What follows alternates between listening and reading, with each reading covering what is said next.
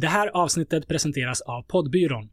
Poddbyrån hjälper företag, organisationer och evenemang skapa sina egna poddar för intern eller extern kommunikation.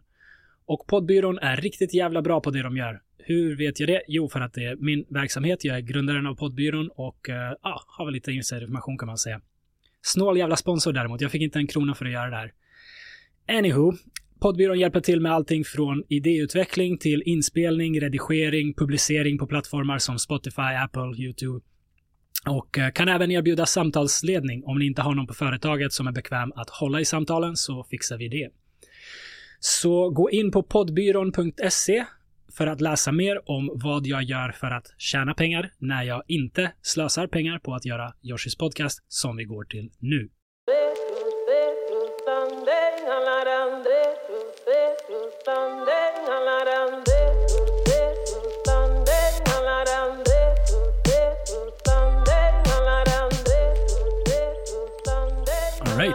Välkommen Jannik Svensson. Tack. Kul att vi fick till det här. Helt uh, improviserat en fredag, fredag kväll plötsligt. Ja, det var väl förra fredagen du mejlade mig tror jag. Ja, du var, du var snabb på att svara och sen uh, sitter vi här en vecka senare. Ja, det var, jag hade svängarna förbi också. Ja. Jag har ju åkt SJ idag. Ja, och det, och det gick utmärkt hörde jag. Mm, en timme åka tåg och en timme stå stilla för att det var växelfel. Det är väl lagom. Man vill inte ha för bråttom fram. Ja, det kan man, så kan man också se det då. Det var ju, folk blev lite frustrerade, men det var trevligt. Det blir ju, alltså svenskar är som, och det märkte jag direkt när jag kom till Stockholm, eh, när jag flyttade hit permanent 2016 på hösten. Mm. En av mina första upplevelser eh, var just en sån grej att tunnelbanan stannade. Mm. Och ingen säger någonting i Sverige. Alltså man får ju inte titta på varandra, man får inte prata mm. med varandra på allmän plats, det är haram. Eh, och då pratar jag, liksom, för jag fattar inte, jag kommer från Åland, där pratar man ja. med folk liksom. Um, utan att ens säga hej om du är i matbutiken till exempel. Ja. Uh, men då stannar liksom tåget uh, och, och så börjar jag prata. Och då var det som att ytspänningen släppte. Då hade vi stått stilla ganska länge. Mm, okay. uh, och då var det som att ytspänningen släppte och då började alla prata med varandra. Ja, vad skönt. Hade det kunnat gå åt andra hållet? Att det blev mer spänning för att en person började prata om Det har hänt. Ja. Så, det, har det varit den personen också? Ja, det, det varit. Men idag var det trevligt. Det var som, satt och pratade med, med några damer som också ville av tåget liksom. Mm. Uh, jag har bokat två tåg i Sverige på två år. Mm. Båda har varit inom de senaste två veckorna och båda har haft driftfel. Så. Du har tur med SJ med andra ord. Ja, alltså, som, som, jag, som jag sa till dig tidigare, att, att boka SJ är lite som att köpa en trisslott. Ja. Bara det att vinsten är att tåget kommer fram. Ja. Det är ju märkligt i ett land som vill att folk ska åka tåg, ja. eh, att man liksom inte kan underhålla järnvägen. Det är mycket krångel med, med tågen och rälsarna varje år. Ja, alltså det, man har liksom inte tagit hand om det. Mm. Och sen vill man, sen håller man på och försöker få folk att få ångest för att ta andra mm. metoder. Men nu har jag fått tillbaka min bil igen. Två veckor har jag varit utan bil. Vad beror det här på? Jag har ingen aning. Jag, jag åker inte tåg så ofta, men jag ser då och då på nyheterna att ja, rälsen underhålls inte ordentligt. Alltså i grund och botten så har man liksom, man, man har ju varit väldigt eh, teknikvänlig i Sverige. Mm. Och, och, man har ju liksom eh, Personbilen har ju representerat individens frihet mm. eh, under flera generationer nu. Men sen har man någon, någonstans så har man bara totalt svängt och tycker att det är jättedåligt att flyga. Så det ska vi inte göra. Mm. Ja, men bil kan man inte åka, så det ska vi inte åka.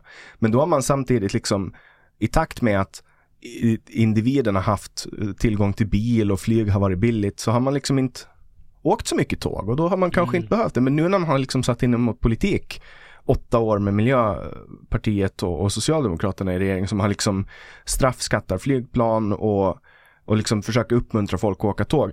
Då ökar ju tillgång, eller efterfrågan mm. på järnvägen och då ska du in mera tåg och hur, hur ska man liksom, alltså om man inte kan underhålla mm. det, det blir ju så. Så det har varit en omställning och högre efterfrågan utan att man samtidigt underhållit eller byggt ut. Ja, och sen har man ju använt pengarna på konstiga sätt i Sverige. Man mm. har ju mm. liksom, svensk politik har, har, har liksom, man har stått, man har stått med en ögonbindel och haft uh, fingrarna för öronen i många, många år. Mm. Om man jämför med Finland till exempel. Man har ju inte haft en jättenykter politik i Sverige. Kolla nu till exempel, för några veckor sedan så går ministern för civilt försvar ut och säger till alla svenskar att ni måste förbereda er. Nu är det skarpt läge liksom. Vi har ett krig på gång. Det kommer mm. snart. Det kan komma när som helst. Och, och, och det är för att Sverige har ingen armé.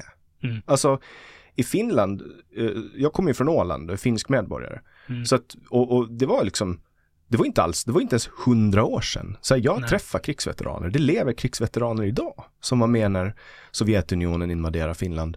Så att de har aldrig glömt. Mm. Men Sverige har inte varit i krig sedan man blev besegrad i Poltava. Mm. Och det är över 200 år sedan.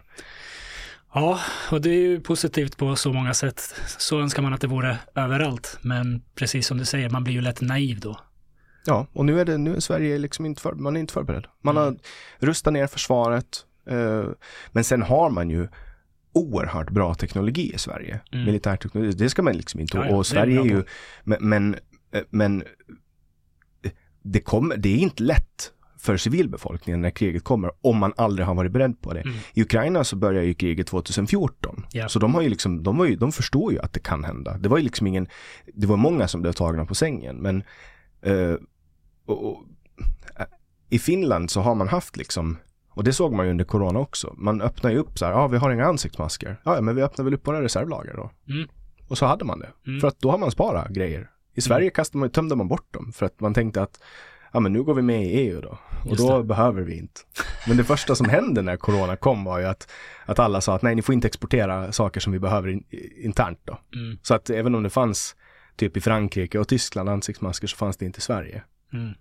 Ja, det var en, det var en röra det där. Mm. Och nu kommer nästa röra. Nu kommer nästa röra. Jag ska säga till folk som, som lyssnar, vi spelar in, det den 2 februari.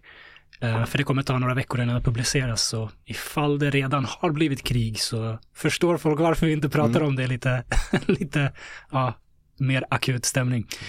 Men um, nu, nu hoppade vi in på SEO och politik här. Jag tänkte att vi börjar lite från början. Du nämnde Åland. Mm. Du är född där.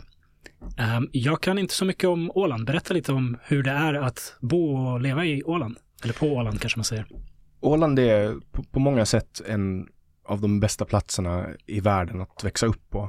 Mm. Um, och, och, det är på grund av att det är liksom, vi har um, en unik kombination av insikt i två olika länder.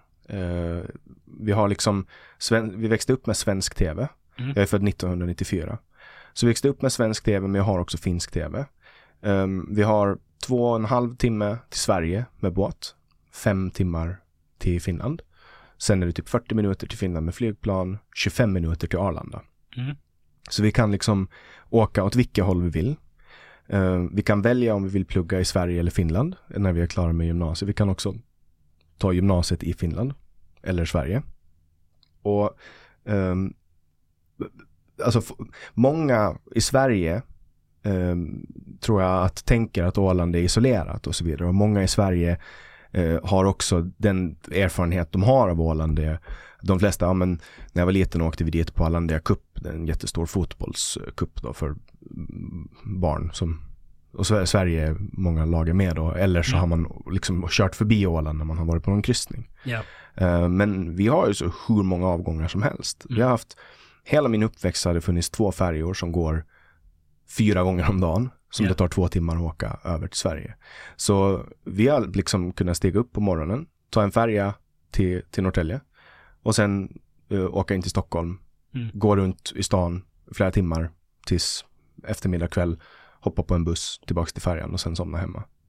Uh, så att vi är liksom nära på det sättet. Så att bilden av isolation, den är, den är liksom lite felaktig. Mm. Uh, jag har liksom vaknat upp i, mitt, i min säng eh, hemma i Mariehamn. Eh, hoppat på ett flygplan eh, till Arlanda, tagit ett nytt flygplan och sen har jag ätit lunch i centrala Amsterdam vid 11. Mm. Så att det går liksom, man, man är nära. Yeah. sen har vi ju ehm, mycket små skolor. Mm. Vi har 16 kommuner. Alla har egna skolor, många har flera skolor. Så klasserna är små. Så vi hade verkligen uh, allt vi behövde. Mm. När jag gick i högstadiet var vi 13 personer i en klass.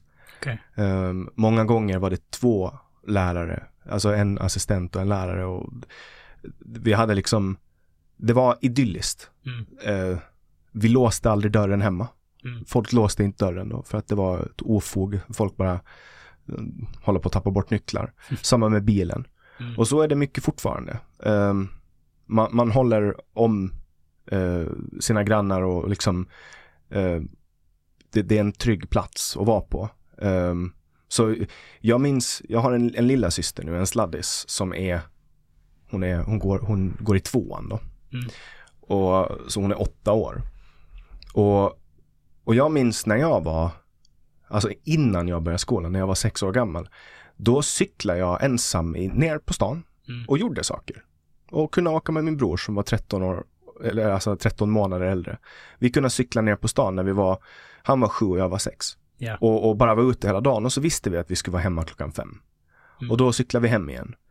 Uh, så är det ju inte riktigt idag. Nu är ju folk lite mer försiktiga uh, och så. Mm. Um, men, men liksom livet där, det var jättespännande för det är ett mikrosamhälle. Det är 13 000 personer som bor i Mariehamn och 30 000 totalt uh, på Åland. Och sen har vi ett antal skärgårdsöar um, och, och, inne i Mariehamn då så hade vi tre grundskolor. Övernäs, Strandnäs och Ytternäs.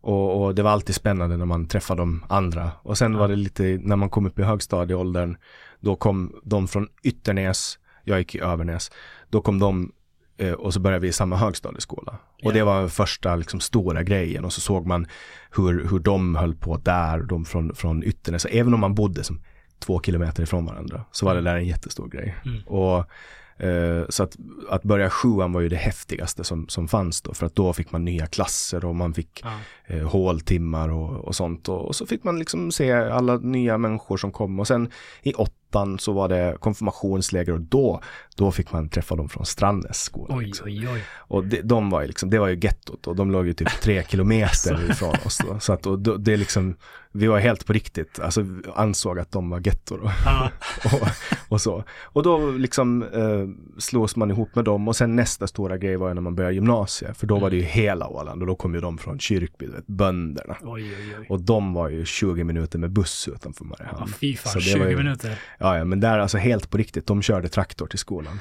Alltså för att man får ju, ha, man får ju ta traktorkort när man är 15 ah, i Sverige. Jag vet inte om det är i Finland, jag vet inte om det är så i Sverige. Då.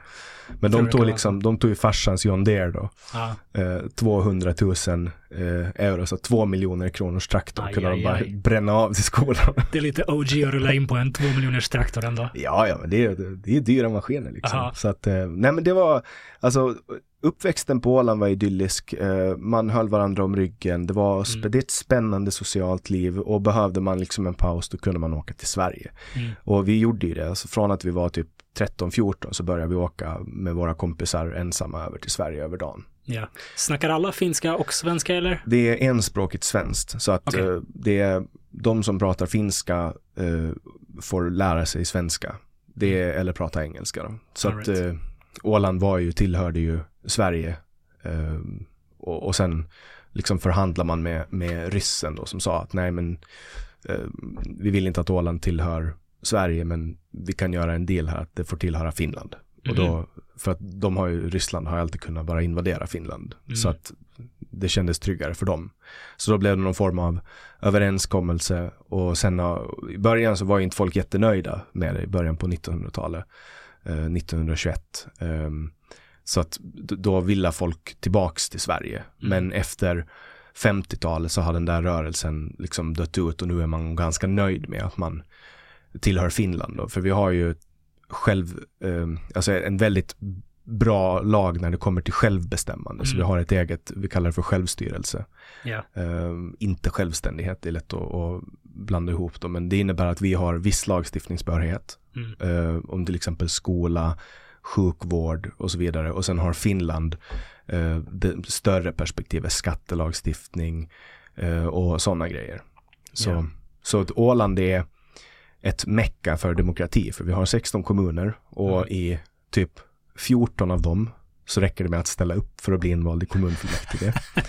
eh, och sen har vi ett eh, litet parlament som heter Ålands lagting med 30 personer. Yeah. Och där krävs det inte heller så många röster. Det finns folk varje period då, som kommer in med 65, 70, 80 röster. Mm. Så har man en stor släkt eh, då, blir så, då blir man vald. Ställer det här till med problem?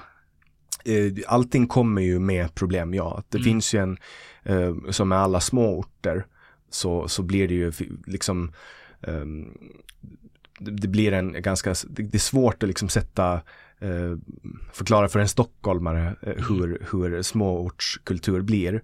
Men, men det, det, är klart att man, det, det slår ju över och blir lite då, det kan ju folk håller ju koll på varandra väldigt mycket. Mm. Eh, vilket gör att det kan, det, liksom, det finns en, en avundsjuk kultur som kan finnas och, mm. och, och liksom så, och så skvallrar folk ganska mycket. Mm. Så att det, det är svårt att liksom hålla, eh, hålla ett privatliv.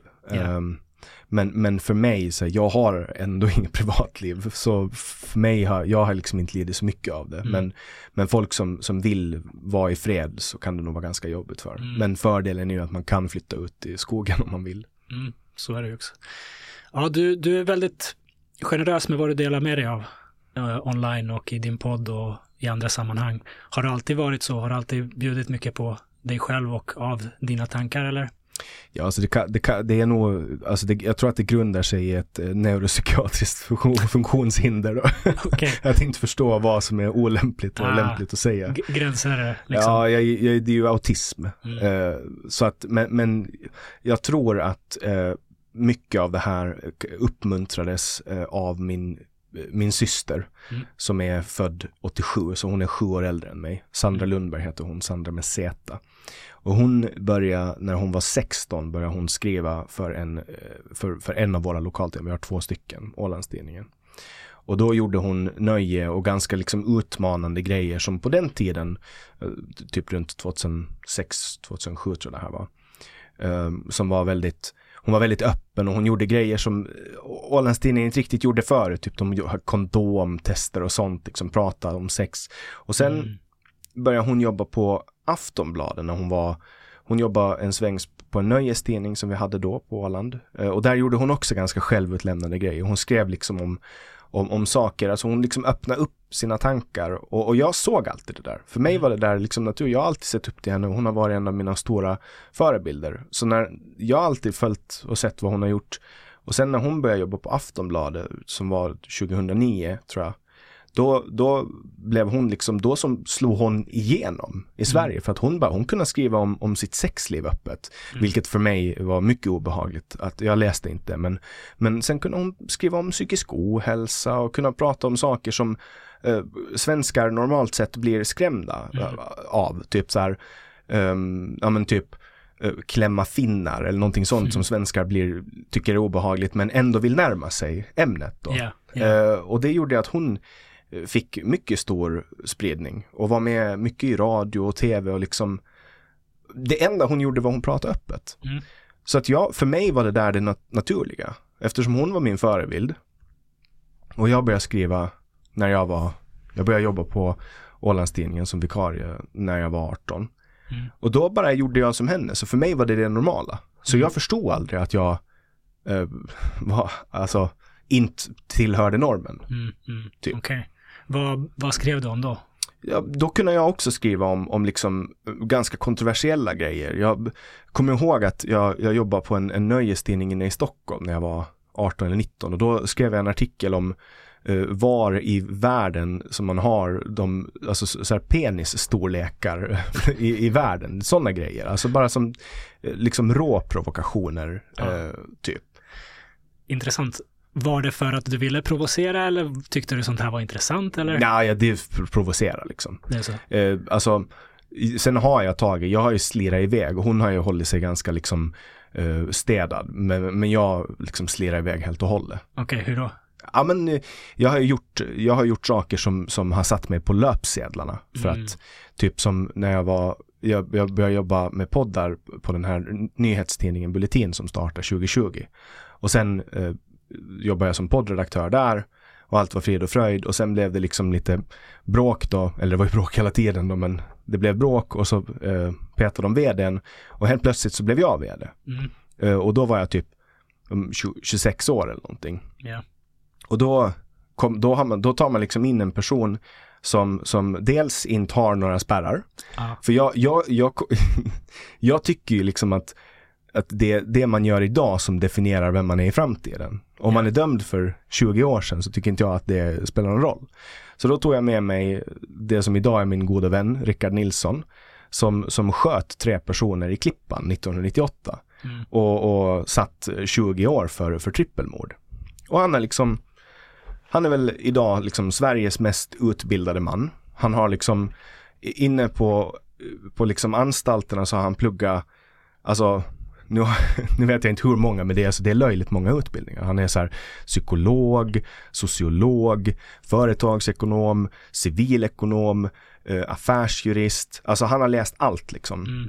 Mm. Um, och liksom han har kämpat liksom och, och inifrån eh, fängelse så han skrivit böcker och, och liksom börjat betala tillbaks eh, för de anhöriga till, till offren och liksom han har gjort sitt bästa liksom för att återetablera sig i samhället. Och då under tiden, eh, det här var hösten 2021, så, så höll jag på att utveckla ett poddformat som, som jag kallar för Brott och straff.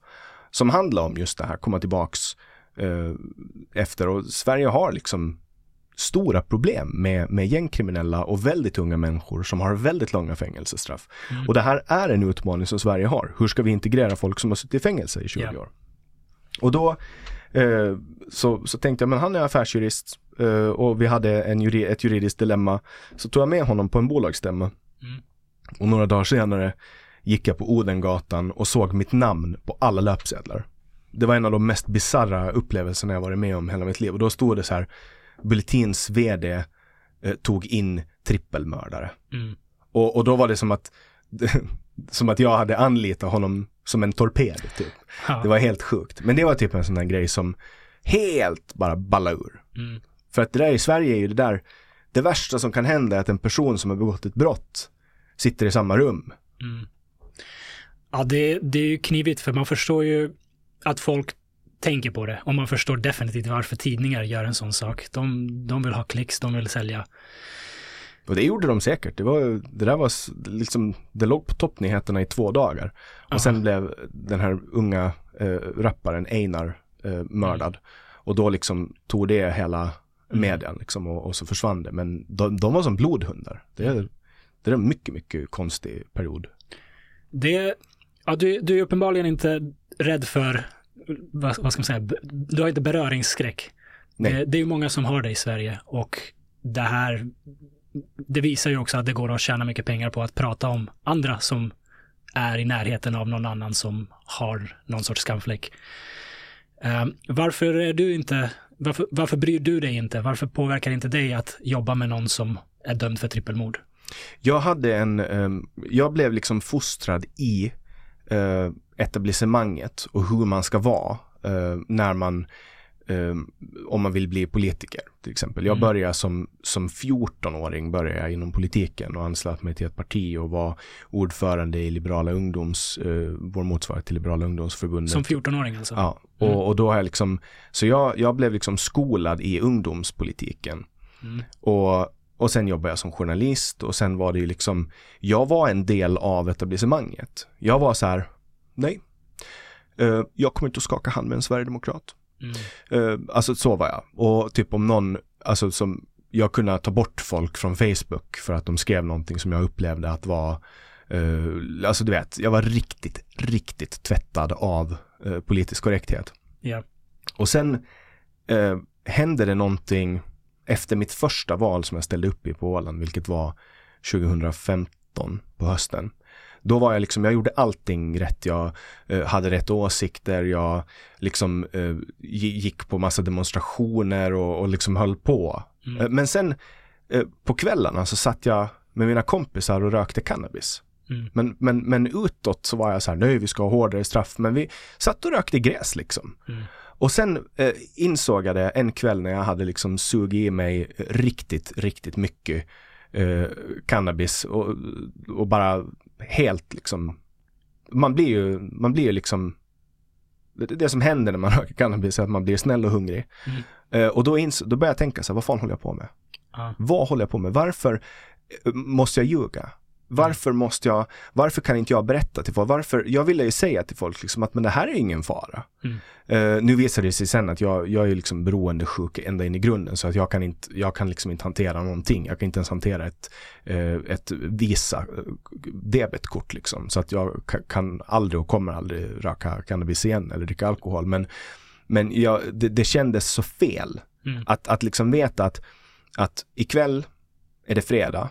Ikväll kommer Eh, eh, ett x antal barn att få höra sina mammor bli slagna av sina pappor. Eh, jättemånga människor kommer att få sina tänder utslagna på krogen. Eh, människor kommer att dö i trafikolyckor för att rattfyllerister kör på dem. Och eh, en stor andel av de här förövarna har problem med substanser och den enda substansen som är laglig är den substans som gör att eh, man blir aggressiv, uh, får minnesluckor, blir en farlig uh, chaufför och så vidare. Uh, men de har ingen, inget annat alternativ. Mm. Och när jag insåg det, för jag själv kunde liksom, redan när jag var 18-19 så började jag dra riktiga blackout-fyllor och tidigare också. Men, men det jag insåg var att när jag rökte gräs, då blev jag som, ja men det hände inte så mycket. Mm. Jag satt hemma, jag åt, kollade på någon film, ibland satt jag och pratade och liksom bara, det var som lugnt, det var som, jag, ska, jag skadade ingen. Mm. Och, och, när jag insåg eh, att, att den politik som jag ställde mig bakom aktivt skadar de här människorna, då eh, började hända någonting med mig som, som, alltså jag blev äcklad av mig själv. Och när jag då 2016 började säga öppet att kanske vi ska kolla över det här med narkotikalagstiftningen. Då var det som att jag blev bulldozrad. Mm. Alltså man, man gjorde allt för att liksom, mina motståndare, alltså de, de gjorde allt för att jag skulle bli av med, med platser i, som jag hade fått politiskt. Att man skulle liksom, det var som att man ville bara, jaha, han där, han där är farlig. Mm. Han tycker att, att folk ska få använda droger. Men det var som att de kunde inte sätta sig ner och mm. prata med mig och, och jag kunde få föra fram mina argument och säga som att ja men kanske vi ska kolla att vi har ett system där vi baserar vår politik på vetenskap. Ska vi kolla, ska vi lyssna på forskarna i det här? Mm. Men ingen ville göra det. Så det var narkotikapolitiksdebatten eh, som, som började eh, föra in mig på det här. Och när man väl har blivit eh, det svarta fåret, mm. då, då är det väldigt svårt att komma tillbaks. Och då vill man inte komma tillbaks. För mm. att jag har ju sett så många människor som, som uppger att de är antirasister men drar skämt som uh, i Sverige skulle klassas som hets mot folkgrupp. Mm. Uh, och, och, det är den här dubbelmoralen. Mm. Uh, och sen ser man ju också att det där går ju i trender. I trender, det är, så, det är trendigt att, alltså först var det ju som, när jag blev politiskt medveten var kanske, det var svenska riksdagsvalet när alliansen tog över i, i det, det, det, kanske det var andra, men det måste ha varit typ 2011 då, valet 2011 tror jag. Mm. 10, 11. Och då då var det som, alltså när Sverigedemokraterna första gången gjorde riktiga framsteg, då var ju, alltså Aftonbladet lät ju inte om annonsera. Mm. Man, man, man, eh, alltså det var som, och, och, och jag tyckte också det var obehagligt med Sverigedemokraterna, oj, där är ju, de är ju nazister. Ja. De är där, och det, det var liksom, man, man, fick inte skaka hand med Sverigedemokrater och det, jag kommer ihåg första gången jag såg en livslevande Sverigedemokrat på Ungdomens Nordiska råd och så var det som att åh, en sverigedemokrat. Alltså det var som mycket märkligt. Och, men sen har ju det där bara dött ut och nu är de, nu sitter ju de med i regeringen. De har inga ministerposter men de är ju, sitter ju liksom Mm. De, de, alltså så här, nu de, så här, de har inflytande liksom. Ja, det är som 25 procent av Sveriges befolkning, fjärdedel av Sveriges befolkning röstar på dem, eller om det är en femtedel. Uh, och, och då är det så här, var femte person man träffar statistiskt sett har röstat på Sverigedemokraterna. Mm. Och nu är det ingen större grej. Och sen har ju också det här med eh, narkotikapolitiken har ju också varit en grej som har varit, alltså har man någon gång liksom viskat till någon att ja men jag tycker att vi kanske ska avkriminalisera cannabis. Då har man ju fått liksom, det har ju varit, man måste ju hålla det hemligt. Mm. Men sen har ju den där trenden gått över till att det blir klimat. Så att nu är klimatet den nya grejen som, som man ska ut på gator och torg och protestera. Uh, sälj bilen, köp en cykel, köp en elcykel, köp ett Eurail-card. Mm. Uh, köp en Fjällräven Konken. Brygg kombucha i den på din, i, på din franska balkong på Hornsgatan. Uh, annars får inte du vara med. Alltså mm. det har ju blivit så. Och då är det som så här man har liksom skammat folk för att de har kör, åkt flyg, för att mm. har flugit någonstans. Man har börjat mäta koldioxid på eh, kort, alltså koldioxidutsläpp och man har jagat. Och så höll ju jag på när jag var reporter på Ålandstidningen. Jag gjorde en grej där jag eh, begärde ut koldioxidutsläpp på alla ministrars bilar och sen var det en socialdemokrat då som hade högst koldioxidutsläpp och då var det liksom stora grejer. Så jag har ju varit med och liksom drivit den här uh, kulturen. Men sen någon gång 2000, um, vad kan det ha varit, 17, 18 uh, så, så när jag hade brutit mig helt mm. så kände jag liksom att nu vill jag vara med i den här rörelsen mot rörelsen. Och det var ju då som, som Joe Rogan hade liksom blivit stor och det började komma samtalspoddar i Sverige. Mm. Navid Modiri körde Hur kan vi? Uh, Henrik Jönsson blev stor på YouTube. Uh, Aron Flam, det här var alltså tiden innan Aron Flam blev uh, åtalad och, och, man körde den här rättsprocessen när han skrev den här boken om, om det här är en svensk tiger. Mm. Uh, och, och det här var liksom slutet på uh, Socialdemokraternas minoritetsregering som de faktiskt regerade utan stöd. Det var ju alltså, och folk har ju glömt bort hur konstigt det var att man hade i åtta år så hade man högern som gjorde budget, eller det var fyra av åtta år då, högerns budget styrde och sen var det en minoritetsregering i Socialdemokraterna och Miljöpartiet mm. som, som regera uh, utan folkligt stöd. Och, och, det där var jättekonstigt och det var för att ingen ville ta tag i problemen. Yeah. Det var för svårt. Det var liksom, hur ska vi göra det här? Mm. Och, och, och, när det är så där i mitten, och det alltid handlar ju om att man frös ju ut en av de största krafterna som fanns i Sverige och, och det, det, gjorde också att den växte och det var ju den folkrörelsen som Sverigedemokraterna fick tillåtelse att bli. Mm. För att man fryste ut dem från början. Yeah. Och sen sa man till folk, de är nazister, de vill gasa judar, de hatar allt, eh, de är farliga. Och sen satte sig folk ner och började lyssna på dem och insåg de att men så, så är det ju inte. Det här är ju socialdemokrater. det, det, typ, alltså som, alltså de är ju i princip, och så kollar man på deras skuggbudget för några år sedan i alla fall så såg de mm. ut som socialdemokrater. Och när folk ser verkligheten och, och, det som folk har sagt åt dem, då börjar de sluta tro på samhället. Mm. Och det är då en motrörelse börjar växa. Och då, det var då som jag fick upp ögonen för, för det här samtalsformatet. Och det första som hände när jag startade en podcast. Uh, jag, jag, fick alltså grunden till min podcast samtal var att jag var och kollade på Hur kan vi live? Typ 2019 tror jag det var på våren. Mm. Och blev oerhört inspirerad och impulsiv och i ett liksom inspirationsrus så mejlade jag till Navid Modiri och frågade om jag fick kopiera hans podd liksom rakt ja. av. Fick ett svar att tja, absolut, kör. Det är alltid kul när folk kommer liksom. Han var väldigt öppnande och, och liksom inbjudande och, och, och, stödjande och då gjorde jag det först på Åland. Yep. Första som hände när jag släppte den här podcasten var att man gick in då, det var den, då gjorde jag liksom en intervju med exakt samma format som du har um, två timmar, sitt ner, sätt på mikrofonen, se vad som händer. Yeah. Då hade jag bjudit in en kille som heter René Janetsko som tidigare hade varit uh, aktiv i Socialdemokratiska arbetarpartiet och sen hade han lämnat för att han, de hade liksom hållit på med grejer som han inte tyckte om och tyckte att var konstiga. Och i början hade han varit med på det och sen hade han bara känt att nej men det här kanske inte är så bra. Då hade han hoppat av och bytt parti. Mm. Och jag gjorde en intervju med honom och då gick ju de här eh, liksom ja, men, från Socialdemokraterna, eller jag vet inte om det var de som gjorde det, men någon gjorde det i alla fall, gick in och liksom massanmälde det här eh, på Spotify. Okay. Eh, och då på den tiden så var det ganska vanligt att man, man kunde liksom ryck, man kunde tagga in en Facebookgrupp. Jag tror det hette Jag är här eller, eller något sånt. Eh, man kunde tagga in dem om man ville ha hjälp då. Och då fick man typ 4000 personer som kom och anmälde kommentarer. Ah, okay. Och det var ju som någon form av så här antirasistisk eh, vänsterrörelse som gick ut på att massanmäla folk då. Och vad anmälde de dig för? Eller på ja, alltså de anmälde, de gick in på Spotify och anmälde så att den försvann från Spotify. Men vad var argumentet? Ja, det var, de gick väl in och anmälde den för hate speech eller något sånt. Okay. Men försvann från Spotify. Men, men det som de gjorde liksom fel var ju det som, som är känt som uh, Barbara Streisand-effekten. Mm.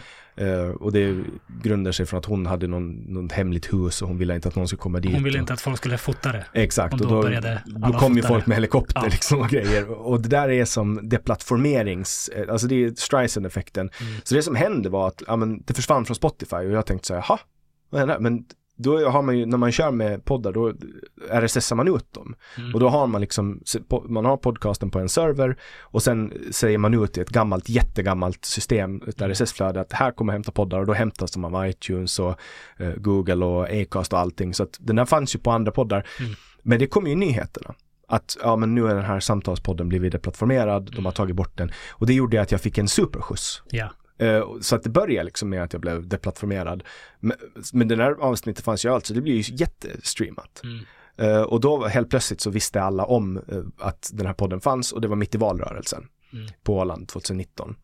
Och direkt efter valet och jag fick eh, 100, eh, vad fick jag, någonting röster och, och en ersättarplats i Okej. vår riksdag, om lagtinget. Och eh, några dagar före valet så hade jag eh, spelat in en podd, jag jobbar ju med poddar redan då, eh, producerar en podcast åt eh, en kund då. Och då var det en gäst i den podden som hade hört mig prata om det här med narkotikapolitik och jag var ironisk och skoja. Och då hade den här personen liksom plockat upp det där som att jag var eh, drogliberal. Mm. Och det är det värsta man kan vara på Åland. Mm. Man får inte, man får inte tycka att missbrukare ska få en humanvård. Då är man, då är man satan liksom. Mm.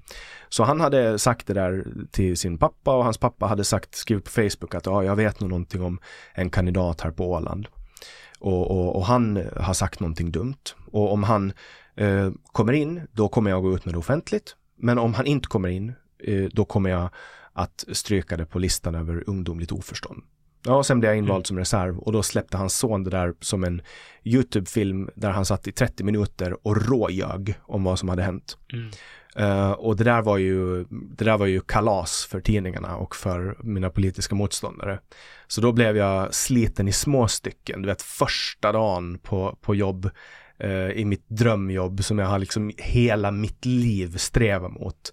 Börja med liksom en utskällning av mina partikamrater och total utfrysning. Mm.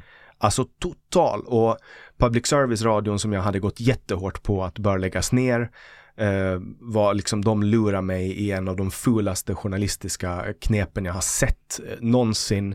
Eh, och det var liksom, det var som att alla bara tog ut hela sin frustration och ilska. Ehm, jag hade ju jobbat med reklam i Stockholm åren Mm. innan och flyttat tillbaka. Så jag hade liksom målat sönder hela eh, Åland. Alltså jag hade varenda annonsplats som gick att få på Facebook, på, på Google Ads, alltså överallt för att jag, För, för vad? Vad hade du gjort reklam för? äh, mitt, mig själv då, det var ju val. Aha, okej. Så att jag, och jag har lär, lärt mig hur man ska buda och det finns liksom inte på Åland så har inte folk byggt upp uh, ad groups ännu med målgrupper och så. Jag hade liksom förberett allting. Så Ja. jag bara målade sönder. Jag hade eh, dubbelt flera exponeringar, bara jag, än vad alla partier hade tillsammans under valrörelsen. Okej. Eh, och då hade jag en budget på typ, vad var det? Du- 15 000 kronor. Bara för att jag visste Okej. hur jag skulle köpa reklam. Och folk var irriterade på det och så tog de ut hela den här aggen. Också att jag hade varit på om eh, narkotika, eh, liksom Folk visste att jag hade åsikten, Mm. men jag hade aldrig sagt det offentligt. Jag var väldigt försiktig med att aldrig säga det offentligt. Men där tyckte man att man hade en chans att gå på mig och Ja. vara så här, ja men han är drogliberal. Och efter det, 2019, då gick jag full on liksom. eh, fuck it, nu Mm. säger jag vad jag vill. Och då 2020 började jag eh, podda i, under corona, började jag podda i Sverige. Okej. Och sen dess har jag bara spelat in med alla, jag skiter i vem jag spelar in med. Mm. Jag har spelat in med, med liksom folk som har suttit i livstid, jag har spelat in med folk som eh, jag personligen eh, får kalla kårar av för att jag tycker att de är så obehagliga i sin retorik. ehm, och, och så. Och jag har liksom inte haft några filter. Mm. Nu har jag börjat applicera filter. Okej. Eh, Hur så? Ja, alltså för att jag har sett hur, hur farligt krigspropaganda kan vara. Så därför har jag liksom, därför filtrerar jag bort prorysk propaganda, Mm. eh, krigspropaganda helt enkelt. För att den, den eh, syftar till att ta sig in i media och destabilisera samhället. Ja. Så därför, därför har jag liksom satt embargo på det. Jag skulle aldrig låta en prorysk komma fram om inte jag fick, ehm, liksom, alltså om inte jag visste att det kommer att gynna mera än Mm. vad det skadar. Många trådar att plocka upp där. Du, du har levt ett intressant liv och du är inte så gammal heller. Du fyllde nyligen 30 år. Mm. För, förra veckan blev jag 30. Grattis i efterskott. Tack. Det är imponerande att du har hunnit med mycket där. Jag, jag ville följa upp tråden om eh, drogpolitiken. Vad, var står du idag? Vad, vad tycker du idag bör göras på den frågan?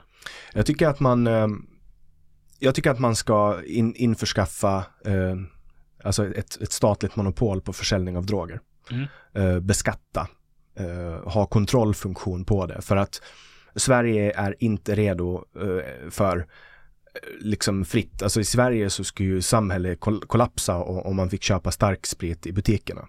Ja. Tar man en båt till Polen, då kan du åka till en bensinmack eh, klockan två på natten och köpa brännvin. Uh, och nu är ju Polen som Polen är. Jag brukar säga att det enda bra med Polen är att de har fina vägar så att man snabbt kan köra igenom. Men, men många europeiska länder har en sån alkoholpolitik, men i Sverige klarar mm. man inte av det. Det, det går inte det går inte. Och man måste göra... Det har väl sina förklaringar med den historia ja. vi har haft i det här landet. Ja, och man måste göra samhällsförändringar långsamt. Liksom. Man mm. kan inte vara för snabb. Ja, det har jag insett med åldern, liksom, att man måste vara försiktig. Så någon variant av Systembolaget ja. för droger? I Finland har vi ju någonting, eh, vårt system kallas för Alko. Mm. Eh, det, och har en röd logga. Och det jag tänker att man skulle kunna ha då är Narko. Och så har man en grön logga. Snyggt. Ja. Och så kan man göra som, du vet, har du varit i Amsterdam någon gång?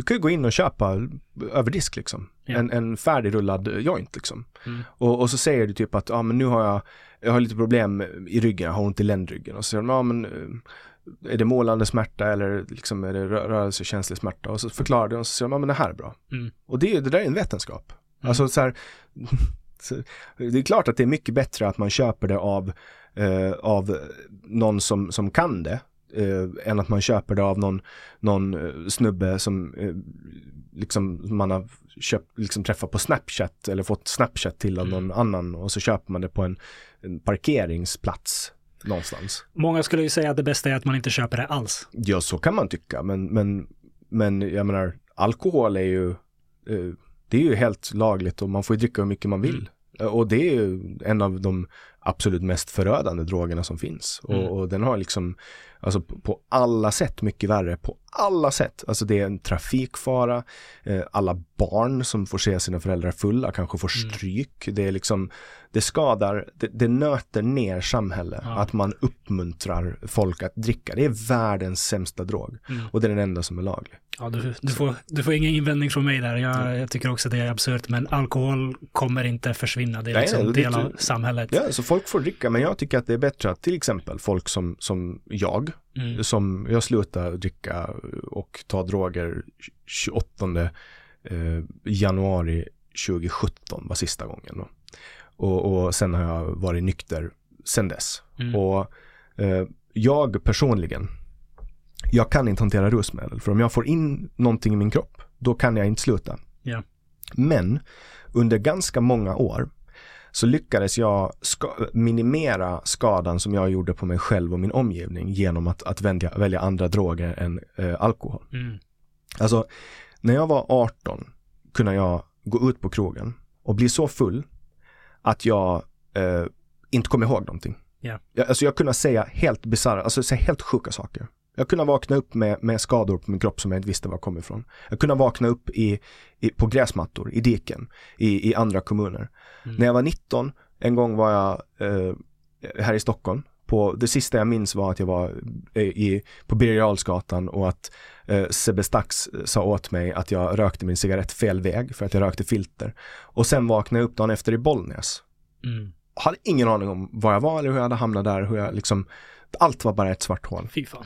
Ja, men det är som, blev det ännu värre. En gång var jag i, i, i Hongkong och, och så liksom gick jag in i, ett, i en minneslucka och vaknade upp flera dagar senare i Kina. Mm. Alltså, och det där, det där är liksom bara fortsatt och fortsatt. Men när jag rökte cannabis, då fick jag utlopp för det som mitt sinne ville ha. Mm. Det vill säga tystnad. Jag ville ha lugn. Jag ville att allting skulle bara dra ner sig så att vi fick liksom lite lugn. För jag har mm. aldrig någonsin haft det. Du har en hjärna som är väldigt aktiv. Ja. Mm. Och, och, det där grundar sig i att jag har ADHD. Mm. Eh, men jag visste inte om det förrän för ett och ett halvt år sedan. Yeah. Haft, det fanns två utredningar på mig som barn. Okay. Men, eh, så att jag har ju hela mitt liv försökt hitta någonting. Men sen insåg jag, bara för att komma tillbaka till ämnet, att, att cannabis var bättre. Därför att det gjorde att jag eh, spenderade inte pengar. Mm. Jag gjorde inte bort mig. Jag hamnade inte i slagsmål. Jag behövde inte åka ambulans eller polisbil. Jag har åkt mm. jävligt mycket ambulans och polisbil. Uh, och, och, och, och sen höll jag mig hemma. Mm. Jag fick liksom utlopp för det jag ville ha och därför var det mindre skada för samhället, mindre skada för mig, mindre ekonomisk skada, mindre lidande för, för min mamma som har, jag förstår inte hur hon har överlevt med, med mig mm. som barn. Liksom. Och, och jag tycker att människor ska kunna få välja det. Men idag, om du har eh, ett halvt gram eh, cannabis i fickan, då får du aldrig jobba igen. Mm. Då, du, du, får inte jobba, du får inte köra bil, du får inte göra någonting. Det är, det är någonting som är riktigt fel i det här landet. Mm. Det är ganska konstigt egentligen att, att Sverige är så konservativt på den fronten. Vi, vi är ett relativt liberalt land på, på många andra fronter, men när det kommer till just droger och cannabis, liksom som, som, som du säger är harmlös på många sätt jämfört med alkohol, så är vi helt, uh, går, går tvärt emot vad resten av världen verkar gå. Förklaringen är ju ganska enkel. Och okay. det är Nils Bejerot, om du vet vem mm. han var. Han var ju en, en doktor i psykiatri som vid något tillfälle fick för sig på typ 70-talet att att, all, eh, att droger var som, som beröring, att det spred sig som virus. Mm. Och, och, att om, om folk hade kontakt med, med missbrukare, då började de också missbruka. Och sen införde han många olika icke-vetenskapliga metoder in i debatten i Sverige och sen i kombination med det här så, så lyckades man liksom skrämma upp folk om, om den här pandemin. Samtidigt pågick ju hela, i, efter USA kom, uh, och USAs krig i Vietnam, så kom det hem väldigt många människor som var heroinister och, och det var mycket liksom, men man hade fel perspektiv. Mm. Uh, och, och, det här, det är ingens fel. Uh, men, men i Sverige så så, så, I andra länder så har man liksom börjat vända. Mm. För att man vet idag att det är liksom inte drogen i sig som är problemet utan det är personerna som, som har, exakt, det är, det är, personerna som, som har sjukdomen. Som, som kommer att bli beroende av någonting för att de är beroende, de har trauman. Mm. Uh, men att man, och det här har man börjat upptäcka och därför har man korrigerat. Men i Sverige så är det där så institutionerat.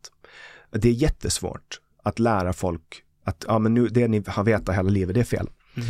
Alltså det är ju som uh, läkare i, i många, många, många år efter att man upptäckte att ådertappning är livsfarligt. Alltså det mm. var en, en gammal metod som man använde på 1800-talet. Att man, man liksom, om någon hade eh, typ influensa eller var sjuk så, så öppnade man upp deras blodådror och tömde ut typ en liter blod bara puff ut. Och så trodde man liksom att man fick ut det. Det där är någon mm. gammal så här voodoo-magi som man fortsatt använda trots att man visste att folk dog. Jag tror att det var George Washington som dog av mm. åderlåtning. Åderlåtning heter det. Och, och det där läkare som har liksom hållit på med åderlåtning hela sitt yrkesliv.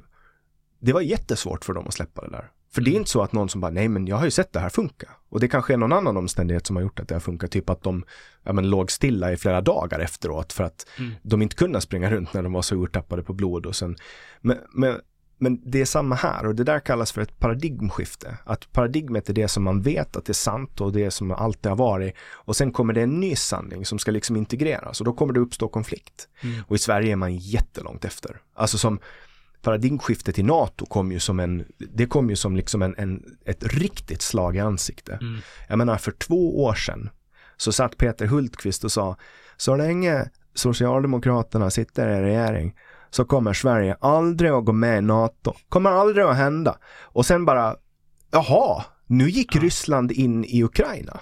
Ja men nu måste vi gå med i NATO. Det gick det fort plötsligt. Ja, och då vill inte Ungern plötsligt. Men för att avrunda cannabissamtalet där, jag, jag, jag, tycker också att någon form av Systembolaget lösning hade varit en bra idé. In, inte bara för att det kan vara rimligt att låta vuxna ta den typen av droger om de vill det. Eh, men också för att är det inte lagligt, är det inte reglerat så finns det så många risker av andra slag också. Nu, eh, cannabis har traditionellt inte varit en väldigt farlig drog fysiskt, psykiskt för den, den som brukar den. Men i och med att eh, man höjer THC-halten till exempel i, i, i, produkter för att få in så stark produkt som möjligt på marknaden när det är oreglerat så finns det väldigt mycket cannabis idag som är farligt, som, som orsakar problem, uh, psykiska problem som tidigare varianter av cannabis inte gjorde. Så i, i min värld är det också ett säkrare sätt att ett bättre sätt att säkerställa att folk faktiskt inte skadar sig själva, att, att ha det reglerat och kontrollerat vad, vad det är för någonting som går ut. Som man gör med alkohol. Jag menar, träsprit skulle ju säljas på den svarta marknaden om det inte var reglerat med Systembolaget till exempel. Så är det. Folk vill ha sina rus och det ska mm. de få ha. Mm. Så är det. Um, Okej, okay, vi, vi lämnar drogerna bakom oss. Du var lite inne där på NATO, Ukraina, Ryssland. Det har ju varit ett väldigt återkommande tema i, i din podd Samtal. Um, och du har även personliga kopplingar till landet uh, Ukraina. Hur, um, hur långt bak har du följt det som händer i Ukraina och hur blev du så engagerad i det? Um, jag måste säga att min enda koppling till Ukraina innan, jag, tr jag tror faktiskt inte att jag hade någon koppling före kriget. Förutom okay. att, att, um, att när jag liksom, när jag fick det här jobbet på, på Bulletin, mm. då, då bodde uh, han som var styrelseordförande, Tino Sanadadja, han bodde i Kiev. Uh, och, och, det var liksom ständigt, uh, det var ett ständigt återkommande tema i, i det Eh, arbetet som jag hade, liksom att han var i Kiev och, och, han trivdes där och han tyckte om att vara där. Um, men, men då hade jag liksom ganska, ganska dålig koll på Ukraina. Um, hade liksom inte läst in mig jättemycket på Östeuropapolitik. Um, måste erkänna att jag visste väldigt lite om Ukraina um, som samhälle. Mm. Mera liksom geografisk kunskap och så vidare. Men, men liksom in, inget mera om kultur. Jag tänkte att det var som alla andra Sovjet, alltså före detta Sovjets stater liksom. Uh, och, och, hade ingen vidare koll heller på hur internpolitiken var på det sättet. Uh, visst, liksom lite historia och så. Men, uh, men när kriget kom, alltså det är ju som, det är ju typ som, jag, alltså för att jämföra, alltså jag visste typ lika mycket om ukrainsk politik som jag vet om tysk politik. Mm. Vi tar på det. Så jag vet typ så här, vad partierna heter, vad företrädarna heter, ungefär hur många det bor i landet, eh, vad de har för bruttonationalprodukt, vilka länder de handlar med, men liksom ingen insyn i ett samhälle som man har om man är där och håller på, går runt och tittar liksom, och mm. lever i, det. Men jag visste ju också att, att ukrainare eh, är en, alltså att det fanns en, en, en konflikt då mellan vill man komma in i öst eh, eller vill man komma in i väst? Mm. Närma sig liksom Exakt. Ryssland eller, eller EU. Och, och, det glömmer ju ingen som, som levde under den tiden, eh, Majdan-revolutionen 2014. Mm. Det var ju en, det var ju en eh, helt, eh, liksom, det var ju helt sinnessjukt det som hände på, på Majdan-torget. Att, att man skickade in liksom en, en statlig polisstyrka och liksom börja slå ihjäl folk på gatan, demonstranter. Man låg på tak och sköt folk i huvudet som demonstrerade, fredliga demonstranter. Liksom. Det var ju helt, alltså, jag jobbar ju som journalist då. Um, eller när då, då satt jag faktiskt, då satt jag inne på psyket. Och jag satt på psyket i ett år då, mellan jag, alltså typ sommaren 2014 och sommaren 2015. Då. Det kanske blir ett litet sidospår, men ja, hur men, kommer det sig? Jag, tog, jag försökte ta livet av mig mm. uh, och, och, jag mådde väldigt dåligt då. Alltså lång, lång, lång period av att försöka balansera uh, olika missbruk av mediciner och alkohol och jobba två jobb och liksom mm. blev mycket, mycket, mycket utbränd och till sist så så klarade jag liksom inte av, det var för mycket liksom. Mm. Och då försökte jag ta livet av mig eh, och, och, misslyckades eh, och, och, och, blev väldigt sjuk och då var jag inne på sjukhus i ett år då. Okay. Och när de var klara med mig liksom på den somatiska biten så rullade de in mig med en rullstol till psyket. Så var jag där i ett år liksom. Mm. Så att det, det är också en upplevelse som ett svart hål i mitt liv liksom. Mm. Men, men jag kommer ihåg eh, Majdan-revolutionen väl för att eh, det var en sån bizarr grej. Mm. Att, att människor som, som jag, det var ju människor i vår ålder, när är du född? Jag är född 88. 88 då, och jag är 94. Så att folk i vår ålder mm. blev mördade. Mm. På, på, av, av, av prickskyttar. Uh, och, och, det där är liksom, sen var det ju också så här som, som jag också reagerar på att, att, nej jag jobbade, för det här var ju i februari va? Så att jag jobbade på Ålandstidningen då, gjorde jag. Mm.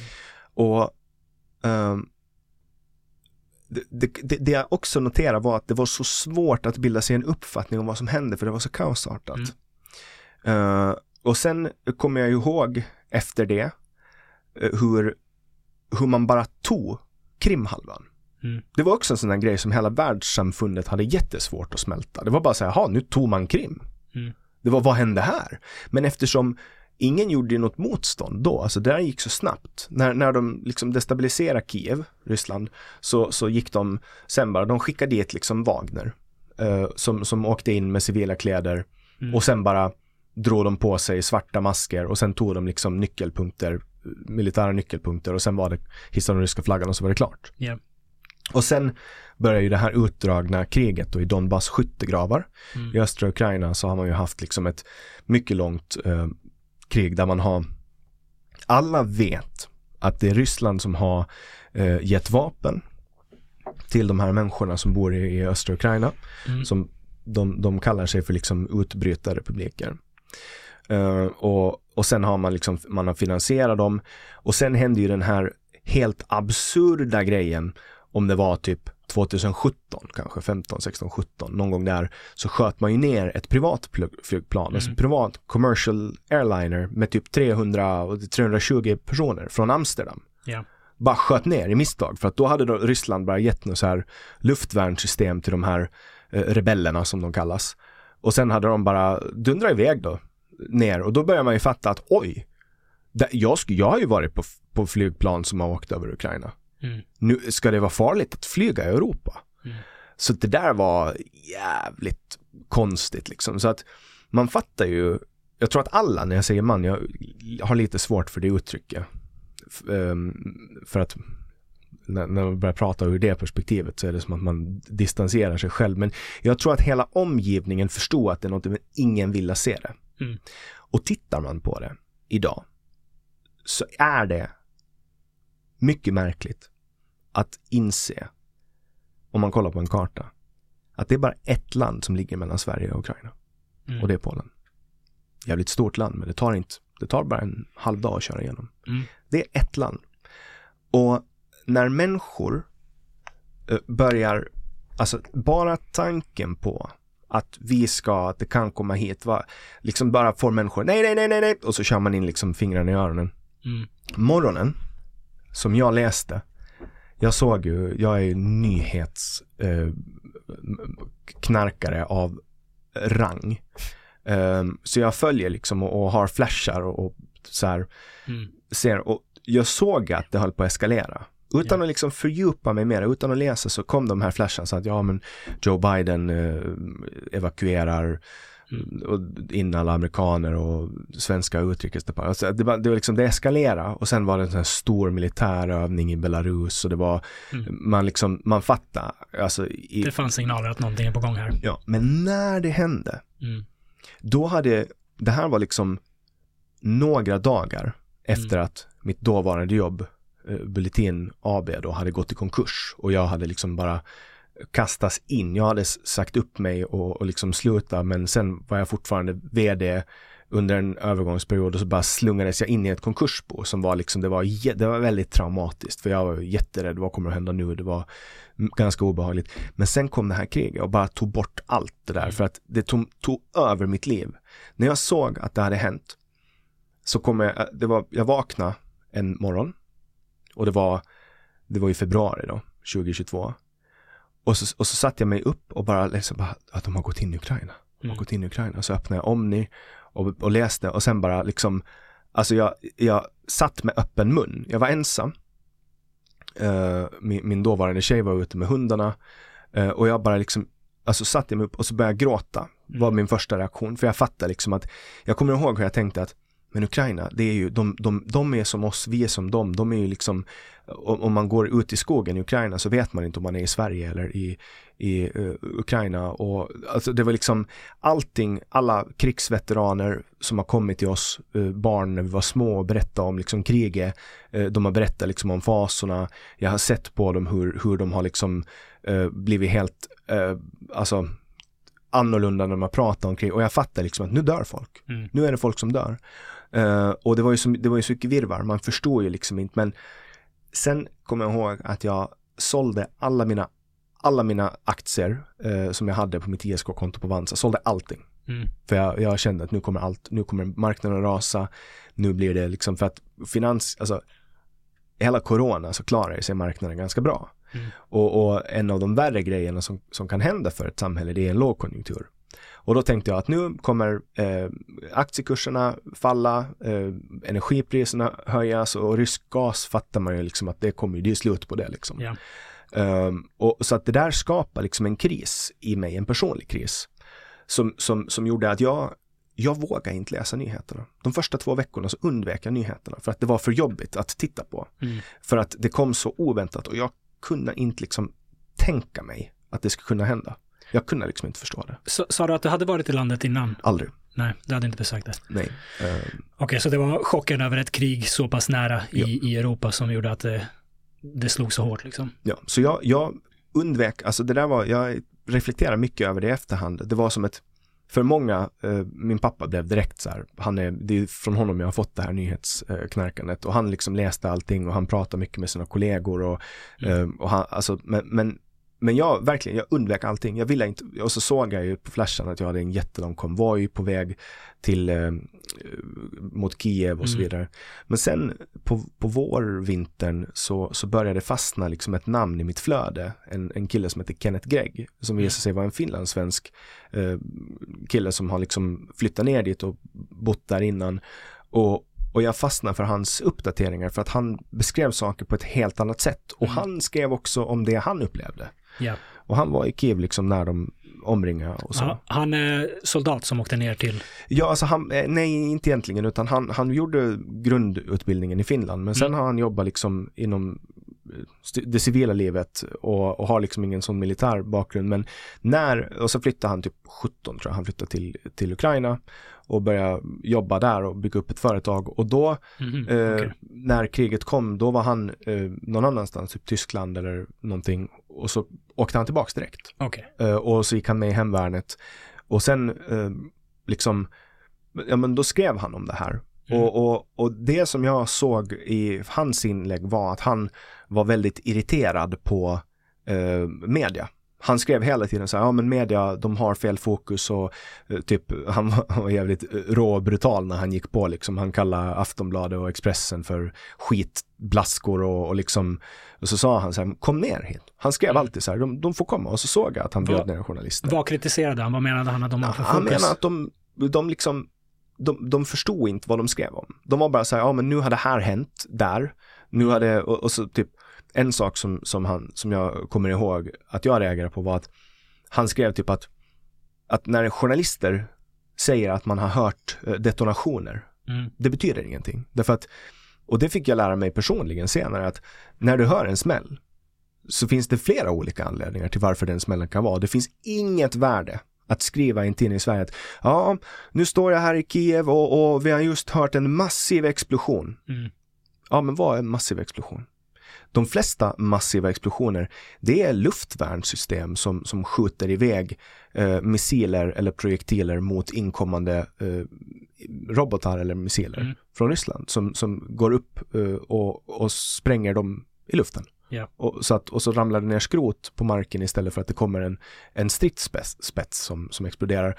Då hör man liksom när, då är det som en kanon som, som riktas upp mot luften mm. uh, och sen räknar den ut eh, den inkommande projektilens bana och sen hör man pof, när den smäller av. Mm.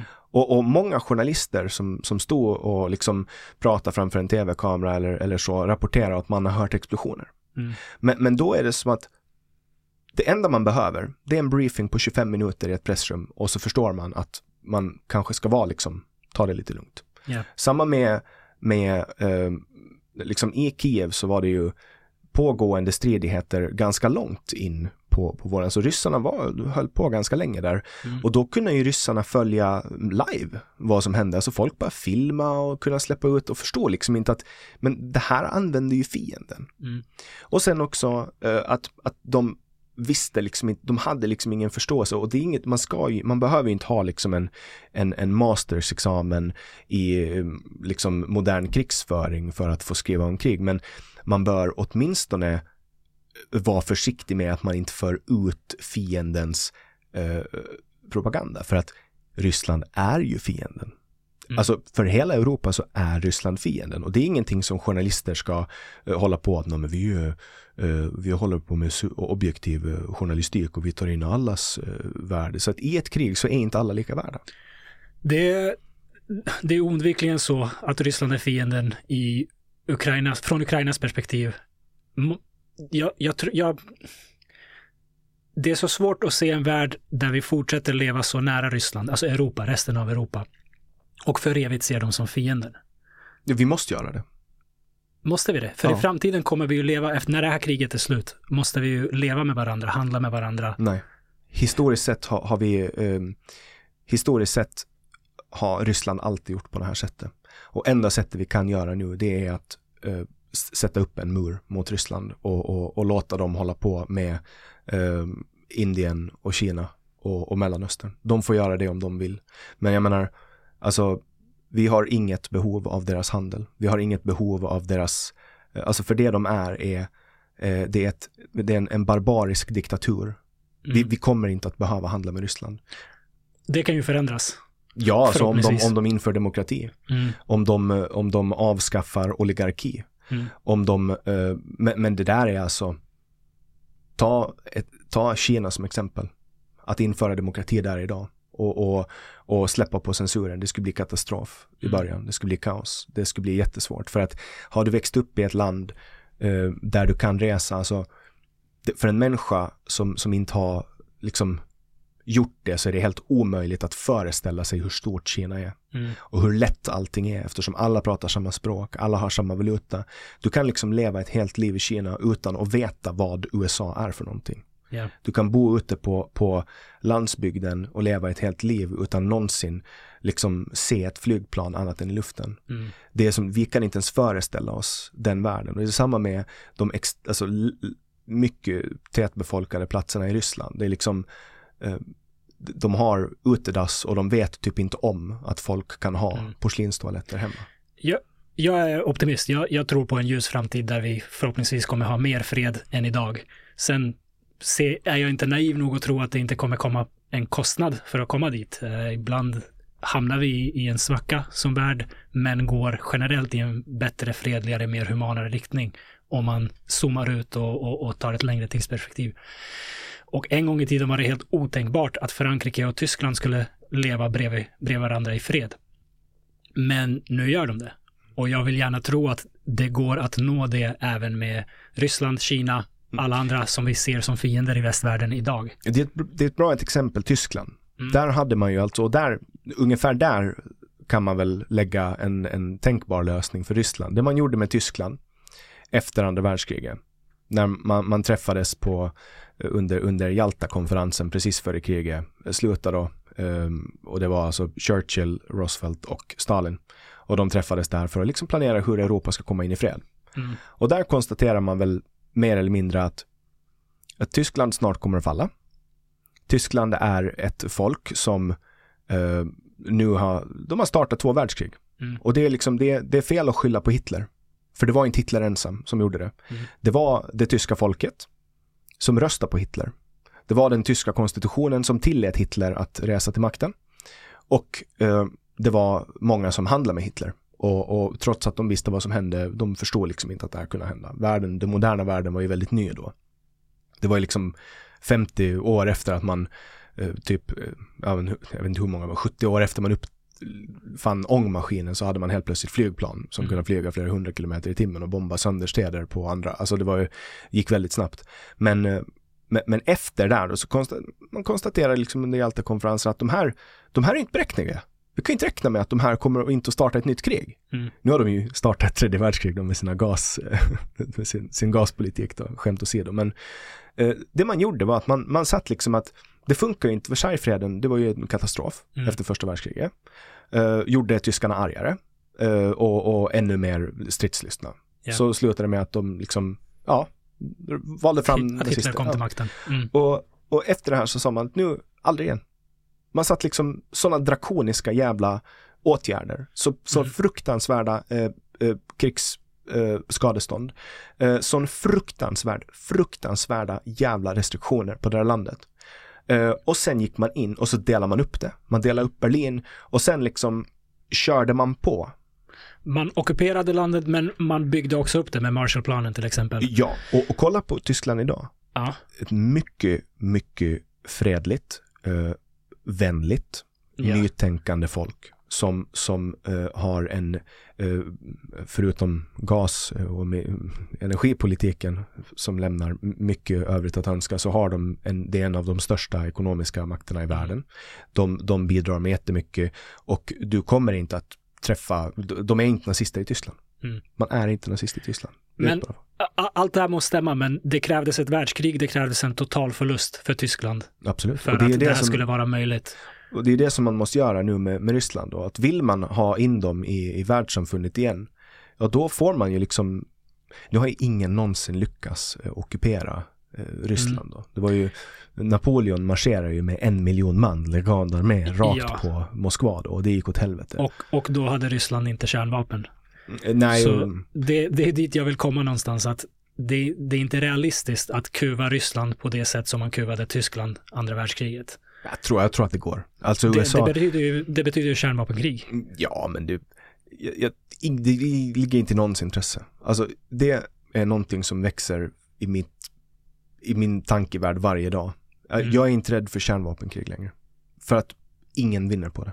Ingen. Nej, men ett land som känner att deras existens är hotad och inte har några andra alternativ är ju farligt. Någon, någon kan trycka på knappen för att de tycker att ingen, en värld utan Ryssland är inte värd att leva i. Jätte, jättesvårt att, att, att launcha Rysslands kärnvapen och, och de har inte åtminstone vad jag vet och jag är ingen bra källa på det här men, men det är mycket svårt och jag tror inte att alla som behövs eh, i den cykeln för att få igång kärnvapnen ska vara med på det. Sen har de också, nu är det ingen som vet, men deras, alltså kärnvapen har ett bäst före-datum och kräver underhåll. Och det man vet om, om ryska eh, projektiler och mm. andra former av eh, liksom missiler och raketer är att, att de har ett mycket undermåligt underhåll. Det är jävligt dyrt att underhålla kärnvapen. Mm. Och de behöver fyllas på, det är ett ämne, jag kommer inte ihåg vad det heter, men det måste fyllas på kontinuerligt.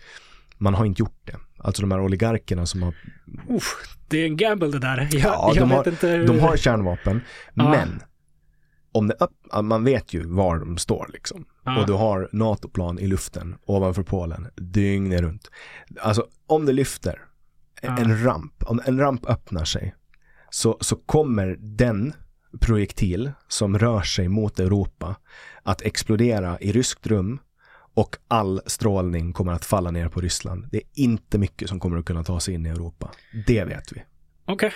Alltså, du, du låter säker, jag är inte lika säker. Jag, jag tror att det är en enorm, enorm risk, för det handlar inte bara om missiler som finns på rysk mark. Det handlar om ubåtar som kan finnas var som helst och som enkelt kan avfyra kärnvapen på städer i, i väst. Mm.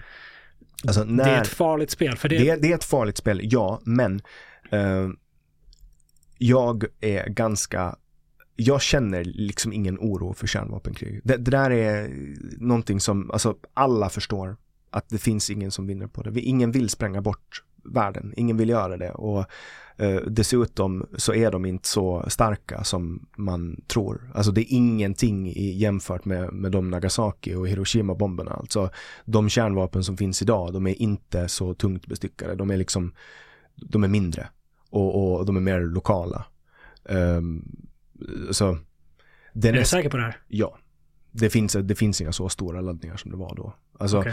man, men sen har ju Ryssland har ju hållit på och sagt att de har missiler, alltså, de höll ju på SAR-bomba. Så mm. att som är liksom den största, den existerar inte det, ens. Det har ju gjorts gott om sprängningar som visar, alltså testsprängningar som visar på starkare kärnvapen idag än Ja, men det är också då. det är en show liksom. Det är propaganda. Det är bara att kolla på de här mm. nordkoreanska raketerna som kommer nu. Det är liksom, det är ju skrammel från liksom det är gammalt skrammel som kommer okay. flygande.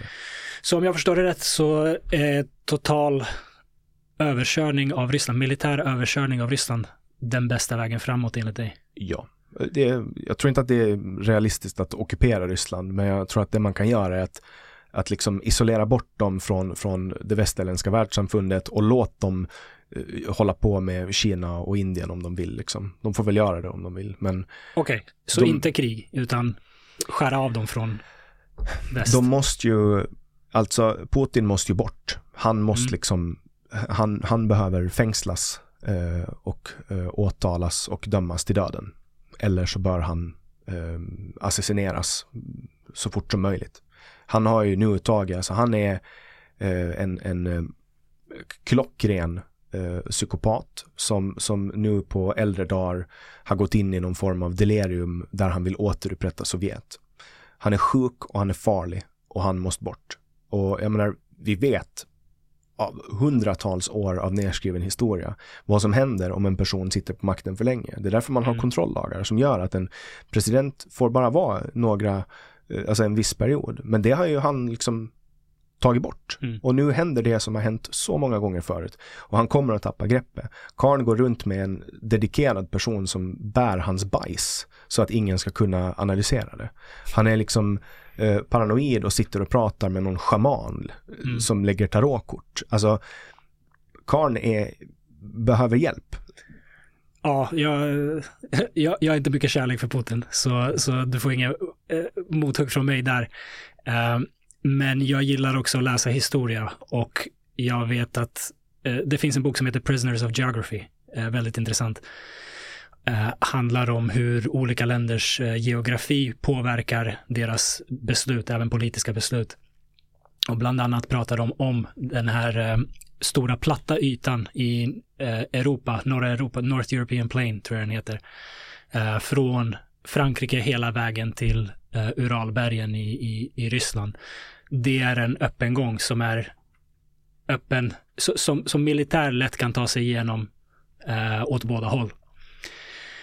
Och i, jag, jag kommer inte ihåg exakta siffran vad det var i den boken, men jag tror det var de senaste 200 åren fram till andra världskriget, eller till och med andra världskriget, så hade Ryssland blivit invaderad i snitt var 33 år eh, via den gången. Så det, jag försvarar absolut inte deras beslut, men, men det är viktigt att veta varför de känner att de behöver ta vissa beslut, varför de tycker att de behöver kontrollera Ukraina för att den här eh, plane blir, eh, den här sträckan blir bredare och bredare ju närmare Ryssland man kommer. Och nu känner de att nu är NATO här och täcker så många delar av eh, den gränsen. De måste utöka sin kontroll västerut. Alltså, eh, ett problem eh, som som hela världssamfundet har gjort, det var ju att man, när Putin gick in och plockade eh, Krim, mm. då gjorde man ingenting åt det. Mm. Alltså skulle, skulle man direkt ha liksom gått in och bara eh, markera och typ, ja men inte låtit dem vara med i OS till exempel. Eller alltså sådana grejer. Alltså, eh, eller militärt. Mm. Uh, alltså man ska svara på eskalationen. Då skulle man antagligen ha kunnat förhindra det här. Mm. För att, för att en, en, ett personer som bara pratar barbariska. Kan man bara prata barbariska med? För det är men det men det, det, är lite det jag vill komma ifrån, för jag, jag, tror att det är farligt att se det på det sättet. Um, Putin må vara liksom maktgalen och, och knäpp, men eh, dödar man honom så kommer en nästa person och nästa person har också Rysslands intressen att tänka på och har också antagligen läst eh, historia på det sätt som Putin har och tänker jag måste försvara den här delen eh, så att, för att annars kommer Ryssland inte existera som land. Man måste bort hela kretsen runt honom. Alltså, mycket möjligt. Det är någon som sitter och viskar i hans öron också. Men det är ju inte Rysslands intresse att, att förstöra ekonomin genom att ta bort eh, handel med några av de mest eh, framgångsrika länderna som finns. Mm. Eh, strypa informationsflöde. Det, det, är ju bara, alltså, det är ju i eh, icke-demokratiska, eh, mentalt störda eh, diktator, dik, diktator, diktatorer och deras krets intresse mm. att klippa bort väst. Men det är inte intresse för en, en 22-årig eh, läkarstudent Nej. att inte kunna få åka in i Europa. Det, så det är liksom, det är inte folkets intresse mm. att, att stoppa eh, fri tanke och demokrati. För att väst representerar fri tanke och demokrati. Mm. Och, och, och, han vill stoppa det. Jag hoppas ju att någonting sker internt i Ryssland som avsätter den regim som finns nu och att vi i väst kan möta dem. Så, att, enda, så, att, det, det inte enda... blir krig tills någon inte står kvar eller tills ingen står kvar. Liksom. Det enda bra uh, Prigozjin någonsin gjorde var att försöka starta en statskupp. Tyvärr ballade han ur i slutet av någon anledning och det kommer ja, vi aldrig att få veta varför. Det, det gick ju sådär för honom. Han dog ju en mystisk flygolycka då. Ja. Två jag är fascinerad över att han flög. Ja, det är, men han, alltså det där, jag har ingen aning om hur, vad, vad men antagligen så har det där att göra med att eh, att han och, och, Putin har varit kompisar så länge. Att, mm, att han, han trodde bara, att han var säker. Ja, eller ja. Jag det känns, har ingen det känns alltså, helt galet att han trodde han, att han var säker. Alltså samma dag som, som han påbörjade den här galenskap, galenskapen då, han, han, han exponerar ju hela Mm. För lyssnarens kontext då, alltså Prigozjin var han som var ledare för den paramilitära organisationen eh, PMC Wagner som hade hand om eh, Rysslands offensiv i östra Ukraina och, mm. och Bachmut som var deras nyckelpunkt under hela förra året. Uh, och han gjorde på midsommardagen eller någonting ett, ett väpnat, väpnad protest mot, mot uh, den reguljära armén och, och satt från Belgorod uh, kurs mot eh, Moskva, där mm. han liksom ville ta ner regimen då, den ryska regimen. Men sen eh, typ 20-25-30 kilometer utanför eh, Moskva. Moskva så stannade han helt plötsligt för att då hade eh, liksom den här marionettdockan eh, Lukasjenko i Vitryssland bara slagit någon deal med honom att äh, men han får alla Wagners får flytta till, till Belarus och, och sen får mm. han göra vad han vill. Och då åkte han iväg till Afrika och lämna över Bachmut eh, och den illegala eh, offensiven eh, och folkmordet till reguljära armén och åkte till Afrika och sen när han kom hem så kraschade han i en flygkrasch mellan Sankt Petersburg och Moskva. Mystiskt. Mycket mystisk. Mm. Men, men det där var som enda, enda hoppet jag såg för att liksom kunna destabilisera Ryssland inifrån. Mm. Men då såg man också hur Ryssland har de har inget försvar i Belgorod. De har ingen, för de vet att i, i Europa och NATO, de, de håller sig till de lagar som finns i krig. Därför kommer inte de att göra offensiva attacker mot Ryssland. Om Ryssland visste att Ukraina när som helst eller NATO när som helst kunna gå in med, med manskap i Rysslands oerhört långa gräns då hade de inte kunnat ha den form av truppkoncentration som de har i mm. uh, Ukraina nu, i östra Ukraina, runt Zaporizjzja och hela den extremt långa frontlinjen som finns där. Um, för det är ju det som är ryssarnas stora problem idag är deras försörjningslinjer. De har som nu, finns det olika siffror, men mellan 300 och 500 000 man tror man att befinner sig i Ukraina, ryssar, mm. som på ockuperat område. Och man har tagit en ganska stor andel, typ 15 procent eller något sånt som man sitter och, och skvattar på nu och ockuperar och sprider terror i de här städerna. Uh, och alltså det är som, det är ockupationsstater där man avrättar ukrainska medborgare på gatan. Som, mm. ja men de har en telefon, ja men då skjuter vi dem i nacken. Och sen får andra ukrainare gräva deras grav. Man har liksom, och man har, man har kidnappat över 19 000 barn, ukrainare. 19 000 barn. Det är förbannat jävla mycket barn. Man har tagit de barnen från sina föräldrar, från sitt land och skickar dem till Ryssland och så tvingar man in dem i familjer, man sätter dem på, familjehem. De används som sexslavar i armén, barn. Mm. Så att de ryska soldaterna ska få någonting att göra. Uh, och, och, det här är alltså, det här är en brutalitet som, som är på en nivå som normal svensken klarar liksom inte av att ta in det här. Mm. Det går inte. Jag nämnde ju för dig innan vi började spela in, jag, jag har en bakgrund från före detta Jugoslavien. Um, och min familj flydde till Sverige på grund av kriget. Även om jag var för liten för att minnas någonting därifrån så har jag ju hört mycket från familj och, och släkt och har alltid haft det intresset att lära mig mer om krig och varför krig sker och hur det går till och så. Så, så tyvärr har det varit ett väldigt närvarande i mitt liv eller tyvärr, det, det är vad det är. Uh, och det intresset har funnits i mitt liv. Så jag blir mindre chockad än, än genomsnittssvensken i alla fall. För krig är ett helvete och alltid ett helvete för den civila populationen i, i en enorm uh, utsträckning. I synnerhet civila som har en fiende som använder våldtäkt som, som, som vapen. Och det händer i varje krig. Men det har hänt historiskt. Men, mm. men där finns det åtminstone en dignitet i Ukraina. Där, där man, och det är därför som, som eh, alla länder backar upp Ukraina. Idag, i talande stund, så, så har eller för några timmar sedan, den 2 februari, så har ICJ, alltså International Court of Justice i. Haag, mm. eh, godkänt Ukrainas eh, talan om eh, krigsbrott mot mm. Ryssland. Ryssland får inte ens, liksom, det här är alltså, eh, man vet vad Ryssland har gjort, för man dokumenterar det. Ja. Och de använder, jag förstahandsvittnen, jag pratar med förstahandsvittnen eh, som har eh, tagit hand om kroppar från mm. våldtagna unga flickor. Eh, som, som blir, alltså man, man använder civilbefolkningen, eh, det som man våldtar för att sprida skräck. Mm. Det är ingenting som Ukraina gör. Det finns inga ryska kvinnor i Ukraina. Det finns, alltså det, det, det, finns, det är en stor skillnad mellan Ukrainas armé och Rysslands armé. Ja, alltså att, att bli angripen och att vara angripare är ju det är två helt olika situationer såklart. Men det är också, Ryssland har ju aldrig betett sig i krig. Det är som, de har alltid hållit på på det här sättet. Alltså, ja, säg ett land som har betett sig i krig som du har ju fransmän, du har ju fransmän under Napoleons eh, tid så, så det var förbjudet att våldta. Det var förbjudet att plundra. Ja, jag, jag, när det kommer till krig så är jag rätt cynisk. Jag, ja. jag tror att människor, när de får den kaotiska friheten som de får i ett krig, speciellt i ett angreppskrig när man är på någon annans mark och kan bete sig som man vill, tror man.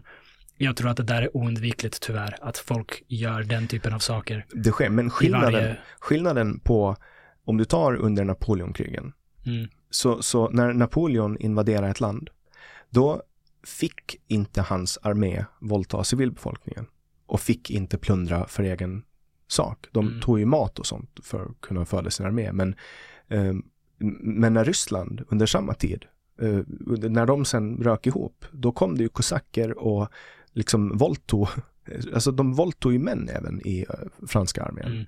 Mm. Uh, och skillnaden där, det är ju en kulturfråga inom uh, en, en stridande makt som säger så här, ja men bränn ner de civilas hus, skär halsen av barnen, våldta kvinnorna. Eller folk som säger, om vi kommer på dig med att våldta civilbefolkningen, då avrättar vi dig på plats. Mm. Så medan franska armén avrättar sina egna soldater för att de gjorde brott mot civilbefolkningen så, så belöna Ryssland sina egna soldater. Och Ryssland har alltid gjort sådär. Ryssland är, vad jag vet, enda landet som har hållit på att bränna ner sin egen jord. De brände upp Moskva när, när eh, Napoleon vandrade in där. De brände ner hela staden. De bara, ah, skitsamma. Eh, och så brände de ner eh, hela Moskva och, och, och lät dem och svälte ut liksom franska armén. Och, och, på vägen hem så var det liksom, när de vandrade tillbaks, så, så hade de konstant eh, kosacker som red eh, och, och, och, på nätterna liksom eh, bröt ut dem från, från eh, alltså det där är någonting som Ryssland alltid har hållit på med och de gör det idag. Menar du att problemet är Ryssland och rysk kultur då? Ja, det är en, alltså även om Ryssland har haft fyra olika namn, det har varit tsarriket Ryssland, det har varit ryska imperiet, det har varit Sovjetunionen och nu är det ryska federationen. Det är samma kultur, det är samma folk, det är samma tankar. Det är ingenting som har hänt, inte mycket i alla fall. Mm. Men det, den, det man trodde att Ryssland håller på att bli västerländskt, det är en illusion. Det skulle kunna ha hänt om inte Putin skulle ha liksom tagit det här järngreppet. Men, men han har liksom, han har suttit och väntat och nu tar han, nu försöker han ta tillbaks sitt gamla Ryssland. Han vill tillbaks till Sovjet. Ryssland är en, um, det är en diktatur och det är en, en övervakningsstat som, de har liksom inga problem att skjuta uh, en medborgare i huvudet utan rättegång om, om de misstänker att det är fel, någon, de har fel tankar. Mm. Det, man, man, liksom, man fängslar oppositionspolitiker. Men varför jag frågar, menar du att Ryssland och rysk kultur är problemet? För att jag vill ju gärna tro att det går att komma till fred och att vi lever sida vid sida. Ja, de får ju börja med att lämna all ockuperad mark i Ukraina. Mm. Men bara det kommer att ta typ ett halvår få bort det. Så de, de måste ju först måste Så de... är det alltså kriget pågår nu och det, det behöver avslutas. Eh, men... De, de, de, måste bort och sen, sen bör de, eh, så här, alltså jag kan tänka mig att ja men visst kan man diskutera med Ryssland. Man kan, man kan disk, diskutera med dem angående villkoren för deras ovillkorliga kapitulation. Mm. Man kan säga åt dem att under eh, evakueringen så, så måste ni godkänna det här. Eh, och sen eh, ja, det är typ det man kan diskutera och sen fångutväxling Uh, absolut kan man diskutera med dem, men man kan aldrig någonsin ge dem någonting. De kommer inte att få en, en, en kvadratmeter av ukrainsk mark mm. och de ska ge tillbaks Krim. Det är liksom, det måste ske, annars kommer de att fortsätta. Ryssland har två olika stadier historiskt. Antingen så expanderar de eller så minskar de. Det är det enda, de enda två stadierna som, som Ryssland kan vara i. Och Ryssland har nu eh, tappat väldigt mycket mark. 1991, Sovjetunionens fall, de har minskat och minskat och minskat. Men, men man anser fortfarande och den propagandamaskin som bestämmer vad folk ska tycka anser fortfarande att den här marken tillhör Ryssland. Mm. Det är som man, man, man har inga problem att förfalska historien. Jag hör dig, men jag, jag, är fortfarande optimist. Jag vill komma till ett stadium där vi inte måste kriga och det, det, som, det som skrämmer mig när jag hör den typen av narrativ att eh, Ryssland har alltid varit så här oavsett hur, eh, vilken stats, statsskick, oavsett vad de kallar sig så, så är det liksom nästan ryska kulturen, ryska folket som är problemen. Det banar vägen till folkmord åt det hållet. Jag menar, om, om vi måste... Ja, jag säger inte att vi ska döda dem. Alltså, vi ska ju inte döda folk för det, men jag menar, de har ju det. Alltså, så här, min, vi har ju fortfarande, alltså på Åland, vi var ju ockuperade av Ryssland. Ryssland. Mm. Och, och så här, fortfarande i, i, denna dag så berättar man historier från gamla tider om hur ryssarna kom och de våldtog. Mm. Alltså de, de, de ja, men så, så är det men, å, Återigen, jag kommer från Balkan. Det hände på 90-talet. Vi, vi, vi minns det. Jag, jag minns flykten och min familj minns kriget och eländet. Men vi måste ändå bo med varandra. Vi, vi bor bredvid varandra där nere nu. Min, min familj bor fortfarande där nere. Det är inte ett alternativ att inte göra det. Ja men så, alltså, det kanske låter lite kontroversiellt att säga så, men då, då kan vi ju liksom försöka återintegrera Anders Bering Breivik i samhället. Han kan väl få, eh, han kan väl få vara på biblioteket liksom och, och, och vara där bland alla barn. Och, och så här, vi, han, han, bor ju ändå i det norska samhället och Skandinavien. Det är ungefär, I min värld är det ungefär som att säga så. Men kriminella ska straffas. Ja, och, rys, och, och, om det är Putin och hans uh, oligarkvänner som ska avskaffas, toppen. Men det jag menar är att det finns ju tiotals miljoner människor i det där landet. Ja, absolut. Men du har ju en, en mycket stor andel av uh, den reguljära armén som, som dagligen begår krigsbrott. Mm. Och, och det, det, ska man avsluta, det ska man, det, och, alla som begår krigsbrott ska straffas för det och det, det hände även på, på Balkan. Uh, fler, flera blev dömda för uh, brott mot mänskliga, vad heter det, krigsbrott. Ja, brott mot mänskligheten. Uh, det, det är en självklarhet, det måste ske. Men sen finns det fortfarande en morgondag och det är det jag tänker. Jag, jag, jag försvarar inte Rysslands agerande, långt ifrån det. Jag är så antikrig som man kan vara. Men det är ett folk där. Det, det är ett folk med en lång tradition, med en lång kultur, med, som, som har bott där länge. De kommer fortsätta bo där om det inte blir kärnvapenkrig och allting går åt helvete. Det finns en morgondag. Mm. Jag har ingenting um, emot eh, individer. Nej. Och jag har ingenting emot rysk kultur. Min absoluta favoritbok är Brott och straff av mm. Fjodor Dostojevskij. Um, men, men det som är problemet nu, det är den maskin mm. som, som matar det ryska kollektiva samvetet med eh, krigspropaganda. Mm. Eh, men, men krig är oundvikligt för det är redan här. Människor mm. kommer att dö. Eh, så här, om man nu i Sverige, ta, ta som ett exempel bara hur viktigt det har varit att minska koldioxidutsläpp. Och det ska liksom gå in på så djup nivå mm. att nu måste korken på en petflaska sitta fast. Eh, du får inte köpa en, en plastpåse utan att bli straffbeskattad. Eh, har du en bil som släpper ut för mycket koldioxid så måste du betala extra skatt. Det är liksom, det, det är så här, hur mycket mm. koldioxid släpper man ut när man spränger en bomb? Eller en raket. Hur mycket krävs det i bränsle att, att transportera en, en missil 650 kilometer? Mm. Det är alltså de här, eh, den här skadan som har gjorts på eh, den unika miljön som finns i Ukraina. Mm. Eh, den, den, skada som har gjorts i form av höjda eh, koldioxidutsläpp. Alltså det, det går inte ens att förstå. Mm. Alltså bara den här Novakahovka-dammen som sprängdes i somras har förstört alltså, otänkbart många hektar odlingsmark. Mm.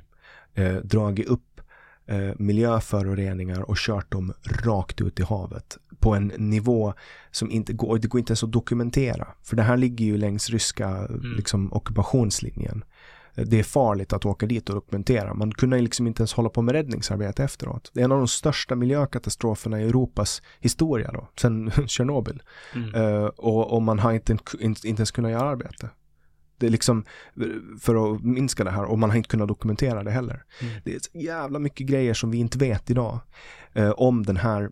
Och det här är baserat på beslut som fattas av eh, ledningen i Ryssland och som tolereras av befolkningen. Alltså, det är ju de facto befolkningen som har vapnen. Det är ju inte, alltså så här, om alla bara skulle bestämma sig för att idag är det slut för Putin.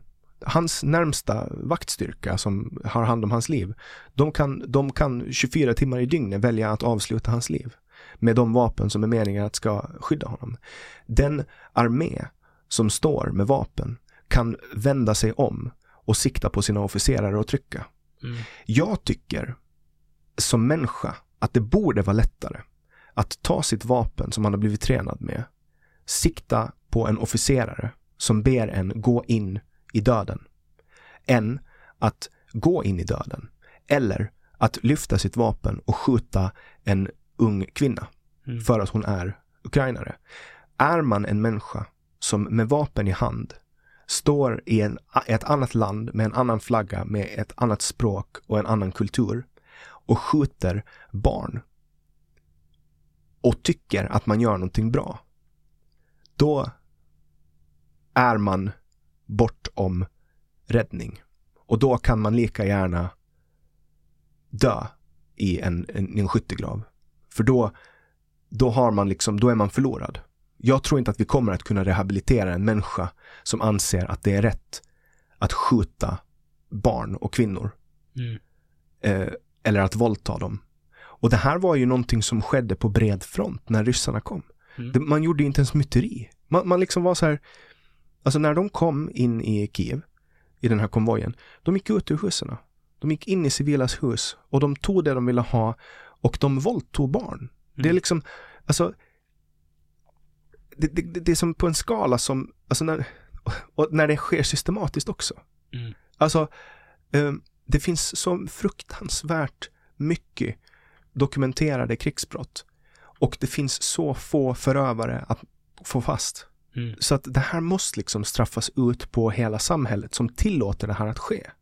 Alltså, det är klart att man måste isolera bort ett folk som inte vänder på en makt som, som uh, hotar andra människors frihet till, till, den skala som Ryssland gör. Det är ett av världens största länder.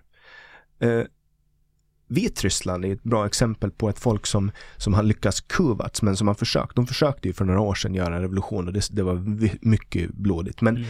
en dag så kommer Belarus att vända mot sina ledare och det är redan på gång. Mm. Och då, eh, alltså de står ju nu mellan att låta Ryssland köra över dem helt och, mm. och, och bidra till det här kriget eller att förintas som nation. Men om Belarus vänder och säger stopp, ni får inte skjuta här mer, skjuta upp grejer från, från sig. Det är stopp nu. Mm. Om det händer så, så har vi en, en ljusning på det här kriget. Därför att då får Ryssland, då måste ju de agera med styrka. Och att öppna eld på, på Belarus blir mycket svårt. För att mm. då får de öppna upp en ny front. Och det de är redan, inte svaga, men de har redan svårt i, i östra Ukraina. Så att jag tror att, att ett hopp som vi har där är att, att Belarus vänder på dem. Och att det, då att det kommer från folket.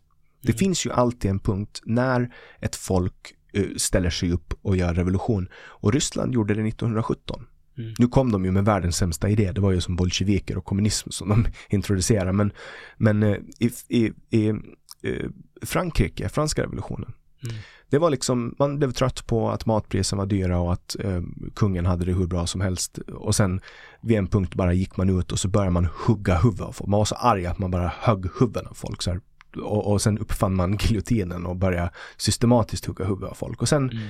eh, blev det krig och så blev det stök. Men, men idag har vi demokrati. De har genomgått en lyckad med, revolution. Med lite eh, imperium och Napoleon däremellan. Ja, men Napoleon är ju alltså kontroversiellt eh, uttalande, ja, men Napoleon är ju en av de eh, som har påverkat Europa mest.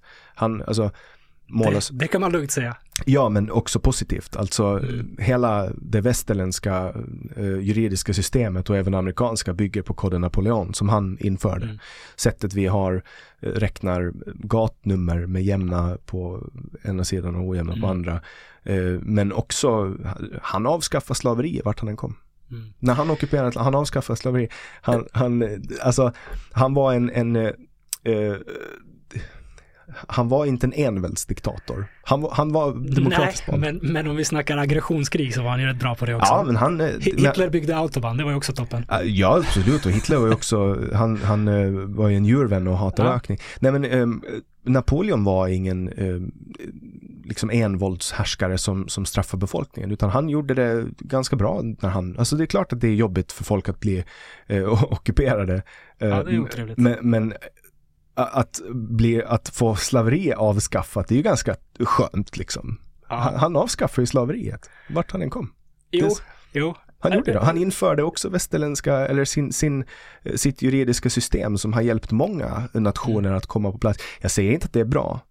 Uh, och män dog, man, många, många, många mm. människor dog i Napoleons krig och han blev helt fullständigt dum i huvudet i slutet. Skulle han ha slutat i tid, då skulle allting ha, liksom, det skulle ha slutat ganska bra. Men men, han har en, en viktig roll i historien mm. att, att spela och han uh, var den som, som liksom verkligen visar hur, hur man med nytänk kan, alltså hela Europa var ju bara ett stort slagfält. Mm. Och, och det avslutades, eller början till slutet kom med Napoleons fall. Mm. Uh, han ändrar ju om, skissar om sättet man, man krigar och sättet man tänker strategiskt och uh, tack vare honom så fick uh, Sverige världens sämsta kung genom tiderna mm. som nu är tronföljd, Bernadotte-familjen och så att det, man kan aldrig jämföra Napoleon med, med Putin tycker jag. Om, om, om man, nu vet jag att du inte har gjort det men mm men jag jämförde angreppskrig med angreppskrig. Ja, eh, han hade ju,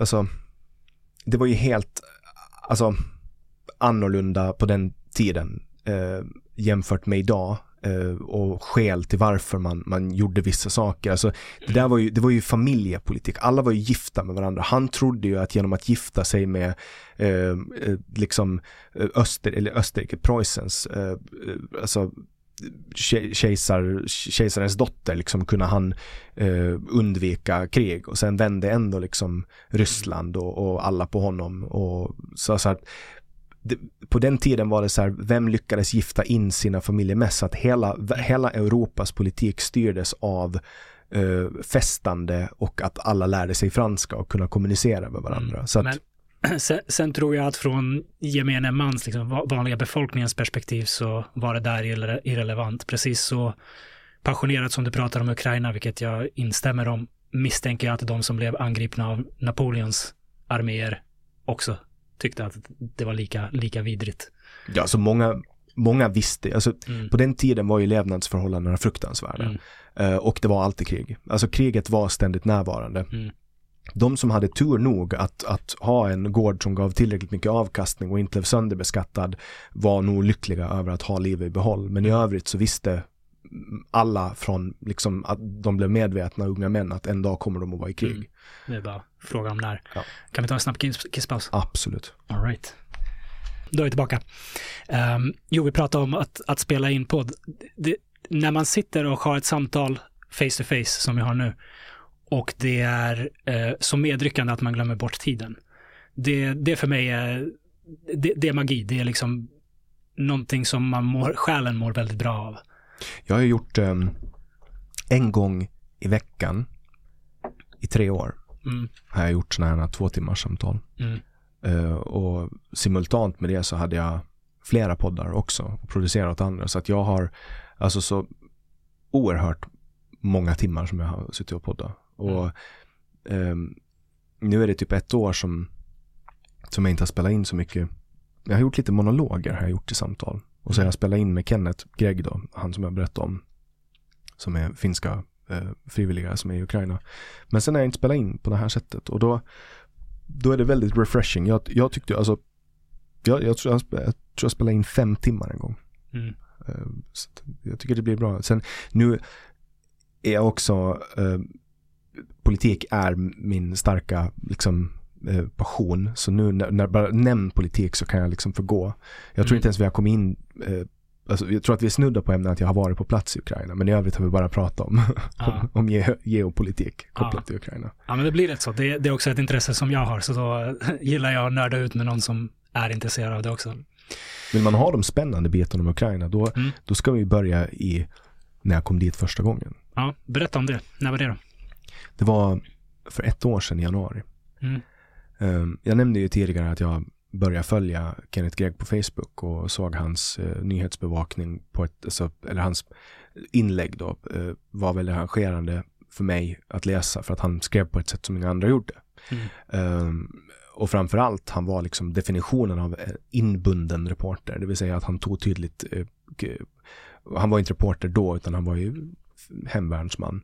Men eh, han, han, hans kritik mot medier eh, kom alltid med den här disclaimern att du får komma hit och göra din egen uppfattning, kom hit så fixar jag liksom att du allting. Och då spelade jag in ett samtal med honom i maj efter att kriget hade börjat då, 2022 då, maj 2022 tror jag det var. Och eh, vi pratade och han satt och berättade saker till mig som jag, jag bara kunde liksom inte tro det. Det här var eh, någon kort, ganska kort tid, några veckor efter att man hade upptäckt liksom eh, att man har jagat ut ryssarna från Butja och Irpin, de här förorterna runt Kiev, där man, där man liksom upptäckte att ja, men de har ju bara skjutit folk, civila på gatan och det, så det är helt alltså så brutalt att det gick inte att ta in, man kunde inte skicka ut de här bilderna i media. Det var för, det var för visuellt grovt innehåll. Liksom. Mm, jag minns när det hände. Ja, det var helt galet. Alltså de bara sköt och sköt och sköt på allt de såg. Eh, och spela in med Kenneth och han sa till mig, eh, du- får komma till Ukraina om du vill, så ser jag till att du har allt du behöver. Mm. Du får komma med till fronten. Eh, det enda du behöver göra är att ta dig till polska gränsen så kommer jag och hämtar dig. Och sen är jag med dig hela tiden och ser till att du får skyddsutrustning och boende och liksom översättning. Men, men om, om du kommer hit och skriver om hur det verkligen är så, så tar jag hand om dig. Mm. Och det här erbjudandet gav han till alla journalister. Han, det, så han, han kritiserade dem väldigt hårt men han sa liksom kom hit och titta själva liksom. Mm. Sitt inte hemma och skriv och, och liksom låtsas att ni förstår, förstår på det. Ni vet inte vad som händer, kom med. Och då bjöd han in mig efter den här podden och jag var jätte eh, liksom sugen på att åka och jag gjorde allt jag kunde för att försöka ta mig dit. Eh, och sen följde eh, ganska kort, alltså kort innan jag var, skulle åka ner och det var i augusti 2022. Eh, så, så behövde jag ställa in resan eh, och då eh, sen var det två andra som skulle åka på den resan och det var SVTs eh, utrikeskorrespondent Bengt Norborg och hans eh, filmare eh, och kameraman Emil Larsson tror jag han heter. De åkte med på den här resan när de eh, eh, befriade Charkiv eh, i augusti. Och sen såg jag liksom av slump, jag kollar inte på tv, men jag såg av en slump liksom att eh, Emil och, och Bengt på tv och sen såg jag Kenneth och sen såg jag att oj, där kom det liksom en artillerigranat och slog ner typ 150 meter från deras bil och, och jag bara oj, det, fan, det där var ju den resan jag skulle ha åkt på. Mm. Eh, och, och det blev som en riktig, eh, ett wake-up call för mig och insåg att det här är liksom på riktigt. Mm. Att, att, att innan, jag, Kenneth bjöd in mig innan de blev på tal, eh, för då hade han bara pratat om att det var en norsk eller finsk eller tysk journalist som skulle komma med, men sen hade han liksom, så skrev han om det där på Facebook och då ringde jag honom i september, för jag drog igång en, en, eh, en satsning, eh, non grata, en, både tidning och, och producent, alltså produktionsbyrå då, i september 2022 eh, efter Bulletinkonkursen. Och då gjorde jag ganska tidigt en, en artikel om Mariupol. Där jag ringde till Kenneth och, och frågade honom, för jag har inte så jättemycket kontakter i, i liksom eh, östra Ukraina eller folk som var i armén. Så jag ringde till honom och så frågade om lite hjälp att få tag på folk som jag kunde intervjua från Mariupol.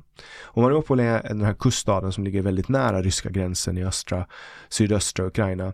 Eh, och ehm, eh, de blev ju helt sönderbombade, totalt. Alltså de, de skickar ner, tror att det är någonstans runt 10 000 bomber de första Mm. månaderna. Och, och då hade man liksom börjat få fram eh, civila dödsoffer som, som närmar sig som 100 000 civila personer, vilket är alltså en siffra som inte går att, det går inte att greppa in den. Det är liksom flera människor än vad som får plats i Globen som hade dött liksom under de här första månaderna. Och det man gjorde nu var att man grävde stora massgravar eh, och, och hällde liksom eh, cement och bara byggde liksom betongfundament och så byggde man hus liksom. Man började mm. skeppa folk, byggarbetare från Ryssland och, och, och började bygga upp liksom en stad som man hade totalt sprängt sönder. Mm. Och när jag insåg den här brutaliteten i kriget, liksom det man gjorde var att man pulveriserade en stad, så man totalt pulveriserade den. Man angrep ju en eh, teater, alltså teatern i, i Mariupol då, där det var liksom 600 personer. Mm. Bara släppte ner bomber rakt i taket. Och, och man visste att det var barn där. Mm. Och då började jag fatta liksom att men de gör ju det här medvetet. Det här Absolut. är inget misstag. De, de vill döda så många som möjligt. Liksom. Mm. Uh, och sen började de ju skjuta journalister. De, de ville göra ett exempel av den staden så att andra inte gör motstånd. Ja, och sen det de gjorde med Mariupol, det var som att de bara totalt förstörde allt där. Mm. Allt liv. Och, och sen liksom höll de där striderna runt stålverket höll på ganska länge. Jag gjorde en, alltså det, det, hela trots att jag inte har någon anknytning till Mariupol så blev liksom, när jag insåg vad som har hänt där så fick jag som ett, ett nästan som ett trauma. Alltså jag blev helt knäckt av det där. Mm. Så jag gjorde i somras en, en monolog som heter The Mariupol Monolog. Jag tror jag spelade in den på engelska. Eller om det var på svenska. Jag, jag den finns i alla fall på, på samtal eh, mm. på Spotify om man söker på samtal och Mariupol. Um, och där gick jag liksom igenom det här. Jag satt ju och funderade mycket på varför gör de det här. Men det jag insåg var att, att man, man eh, Alltså det är, det är som en brutalitet, alltså det, det är bara, man vill bara förstöra allt liv, döda alla människor och sen bara eh, göra att ingen någonsin vill återvända dit och sen mm. bara ta marken på det sättet. Plus att det, den här ryska krigsmaskinen insåg jag också att det är så fruktansvärt brutal, därför att det man gör är att man man, man tvingar eh, eh, de här soldaterna att döda barn och de vill inte döda barn. Alltså ingen förstår ju varför man öste så mycket bomber på Mariupol. Det finns ju ingen ockupationsmakt har ju någonsin haft intresse av att förstöra en stad som man, alltså, eh, men, men svaret som jag kom fram till att varför man bombar så mycket på Mariupol, det var ju för att till och med en, en sönderpropagerad eh, ryss som, som inte har något samvete kommer inte att vilja döda barn som ber dem på ryska att snälla döda inte mig. Mm. Så, så här, det är jättesvårt att få armén att avrätta barn och civila. Också i den skalan, det är liksom folkmord på, på en nivå som är, vi kommer upp liksom i nazistnivåer. Där man liksom buntar in dem i, i bilar och tåg och körde in dem i gaskammaren, men det har man liksom inte, den konstruktionen, då är det lättare ur, ur deras perspektiv att bara ösa ner bomber. Mm. Töm gamla lager från Sovjet med, med gamla bomber, vi når ändå dit och så bara döda alla för då slipper vi det här problemet med att ryska eh, soldater vägrar avrätta barn. Och det här, det här tog mig på så djupet och Kenneth kopplade ihop mig med en kvinna som jag intervjuade vars pappa, hon kom från Mariupol, vars pappa var kvar. Och det han sa till mig, det, det liksom, det satt hela min värld i svajning. Och det var i september. Och då sa eh, Kenneth, kom ner kom till gränsen, jag hämtar dig, samma som förra gången, jag fixar skyddsutrustning, uh, vi åker ut och, och, det enda jag kräver tillbaks är att du går ut och berättar sanningen. Mm. Uh, och sen uh, och, och slutade med att jag inte åkte på hösten, men sen i december, för ett år sedan drygt och ett år och tre månader sedan. December 2022. Ja, då, och det var ju då Finland gick med i NATO också. Mm. Då kände jag att nu behöver jag göra det här. Mm. Och då hade jag första vändan då varför jag måste ställa in den resan var för att mitt resesällskap drog sig ur. Och då berättade Kenneth inför tredje resan att han sa att det är nästan alla som säger att de ska komma. Om man bokar liksom plats och fixar och styr med logistik dyker inte upp för att mm. de får ont i benet eller någonting sånt. Uh, och då liksom kollade jag runt bland mina vänner och kollegor och folk som kunna komma med då, för vi skulle köra, köra bil ner. Uh, var tanken att, men ingen ville komma med. Mm. Och sen en av mina närmsta vänner uh, är väl typ lika um, som mig, alltså har ett, ett rättspatos om vad som är rätt och vad som är fel och uh, har också liksom kände när kriget kom att han ville ner och uh, liksom ansluta sig som frivillig. Mm. Men han hade precis då blivit pappa så han kunde inte göra det. Mm. Um, och, men, men, men jag liksom fick med honom att komma med att så vi håller oss på säkra områden men vi dokumenterar och tar in det vi ser uh, och, och liksom jobbar. Och sen pratade jag också med min lillebror som då precis hade fyllt 18. Han är född 2004. Uh, och, och hela hans liv, ända sedan han, alltså så länge jag kan minnas, när han var fem år, har han pratat om att han vill gå med i armén. Mm. Han har hela min upp, alltså jag, mycket, vi är mycket nära, eh, alla mina syskon och han och jag har alltid haft en nära relation och vi har spelat mycket dator tillsammans och han har alltid haft ett djupt, djupt intresse för strategispel och han han var liksom, var typ 12 år när han blev bättre än mig på, på strategispel och han kan mm. liksom eh, på 100 meters håll avgöra eh, vad för liksom årsmodell av en stridsvagn man ser. Alltså, han har haft ett djupt intresse för det och han har hela tiden sagt liksom att jag vill när jag blir 18 och, och går ut skolan så ska jag gå med i armén, liksom, i Finlands armé och, och strida. Och vi har ju ingen allmän värnplikt på Åland. Mm. Och jag har alltid liksom varit emot det här för jag har inte liksom tyckt att han ska liksom wastea sin talang. Jag har alltid varit, jag har aldrig haft liksom något intresse för krig eller så jag hade en kort period som jag funderade på att gå med i armén när jag var 18, men jag var, vägde liksom 120 kilo, så det var lost case. Men, men, och jag hade gjort allt för att liksom försöka uppmuntra min lillebror att han, han gick på en bygglinje då för att bli snickare. Jag försökte uppmuntra honom att starta eget företag, att liksom känna på så här. Men det gick inte. Mm. Så efter, efter liksom en, ett intensivt försök att liksom ändra hans tankar och, och känslor kring det här Um, för jag, jag, jag hade liksom uppfattningen att komma in i militären kommer bara göra att man fastnar på en plats som, alltså man förbereder sig för någonting som aldrig kommer att hända. Men helt plötsligt så var det ju fan, vi är ju grannland med mm. Ryssland. Och då tog jag en, en, seriös diskussion med honom där jag satt ner och så sa jag till honom att nu, Eh, min kära bror, är du 18? Han har precis fått körkort liksom och nu får du välja själv. Så du kommer aldrig behöva gå till mamma för att fråga eh, någonting igen. Nu får du göra vad du vill och jag fattar att det känns konstigt men nu är det så. Att om du säger att du vill åka någonstans idag så kan du åka utan att berätta någonting till någon. Uh, och, och, och så frågar hon om han är helt säker på att han vill gå in i armén. Så frågar jag om hans framtidsplaner och han var liksom, han sa att jag vill göra det här från hjärtat. Jag vill eh, gå med i armén och jag vill ansluta mig som frivillig och då sa jag till honom att jag kommer att åka ner till Ukraina eh, inom de närmsta veckorna. Jag kommer inte att berätta till någon att jag åker. Jag kommer bara att åka och, och sen kommer jag att komma tillbaks. Eh, om, om du vill så, så får du komma med mig och så åker vi ner och så ser vi med egna ögon vad som händer. Och då kanske ditt perspektiv förändras. Och min förhoppning var att han efter det skulle liksom släppa den här tanken. För jag, det jag är rädd för att han ska liksom efter han är klar med sin tjänstgöring och, i, Finland liksom åka iväg på något FN-uppdrag till någon konfliktzon och bli skjuten. Mm. Det är min största rädsla, liksom, att han ska omkomma i en, ett krig. Såklart, han är min bror liksom. Och då tänkte jag att om han får se det här med egna ögon, då, då kan vi liksom, då kanske han backar ur det, för han kunde fortfarande backa ur den här värvningen eftersom mm. Åland, vi har ingen värnplikt. Och så åkte vi dit. Vi, det var mycket Alltså vi, vi var inte jätteförberedda. Vi hade liksom inget reservdäck och det första som hände var att vi, liksom, vi körde ju genom, alltså från Lviv då, eh, som är absolut så långt västerut man bara kan komma, gränsar till Polen, så, så kör man in till Kiev och det tar typ 5-6 timmar. Och då kör man på vägar som då inte hade blivit underhållna på ett år då. Mm. Vägunderhåll har av naturliga skäl blivit efter då. Man använder mycket budget till kriget och då blir det liksom så. så att, och, och sen körde lastbilar, eh, har ju jättemycket förnödenheter, de måste köra mycket tunga fordon och de här vägarna är ju dimensionerade för att man ska ha en viss last och, mm. och så, men, men mycket tung trafik. Så att vägarna var väldigt dåliga. Mm. Ja, fick punka liksom eh, i en krigszon och så här.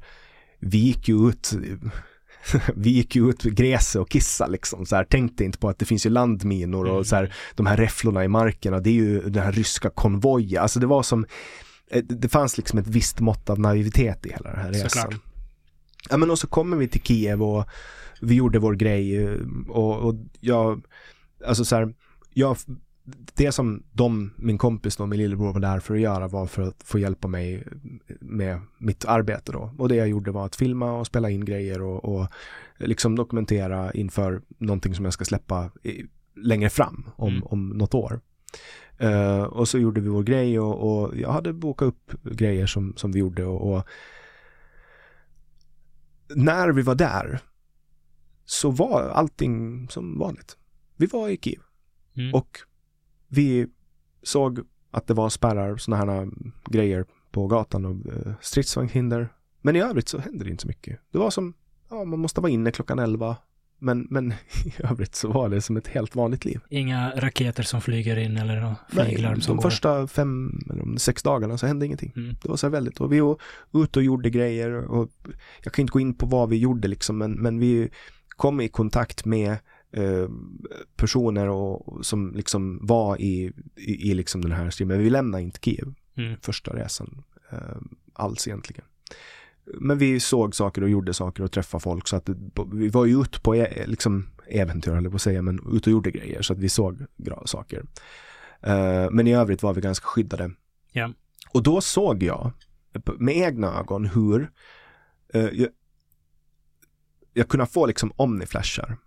Hur oh, folk har panik i Kiev, det står 250 000 uh, vitryska soldater och trampar mm. vid gränsen. Och, och, alltså nyheter som poppar ja, upp som säger sånt. Precis, och då kunde jag bara titta ut och bara säga, men det här stämmer ju inte. Jag mm. bodde ju mitt i centrala Kiev. Mm. Ja, det var inte sant.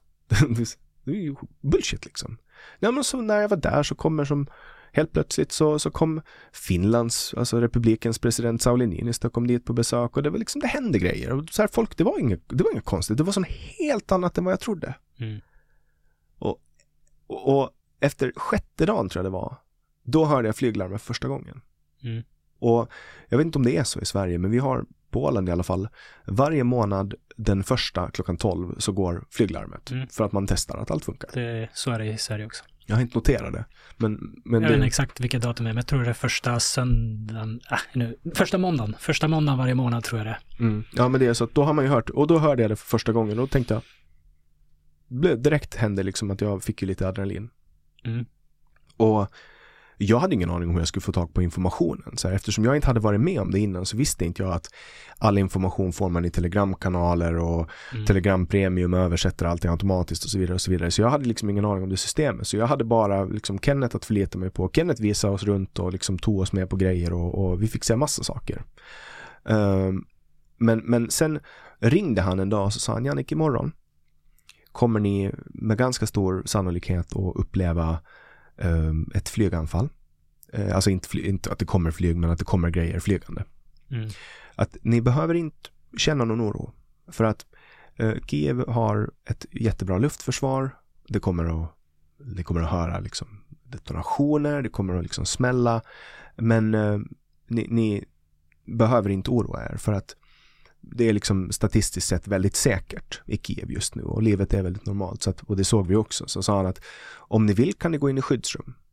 Och, och ni bestämmer själva, som jag kan inte bestämma men, men ni gör som ni vill liksom. Mm. Och när det här hände så eh, första gången som jag hörde en detonation. Jag träffade ju en, en tjej där som jag, alltså vi blev jättekära direkt liksom. Vi klickar på en nivå som jag aldrig har varit med om något liknande. Och eh, när, då hade vi som två eller tre dagar som vi gick ut och allting var normalt. Och en förmiddag så, så sitter vi och pratar eh, när vi helt plötsligt hör liksom en stor, och det är första gången som jag hör en smäll, en stor, stor, stor detonation och det liksom skakar.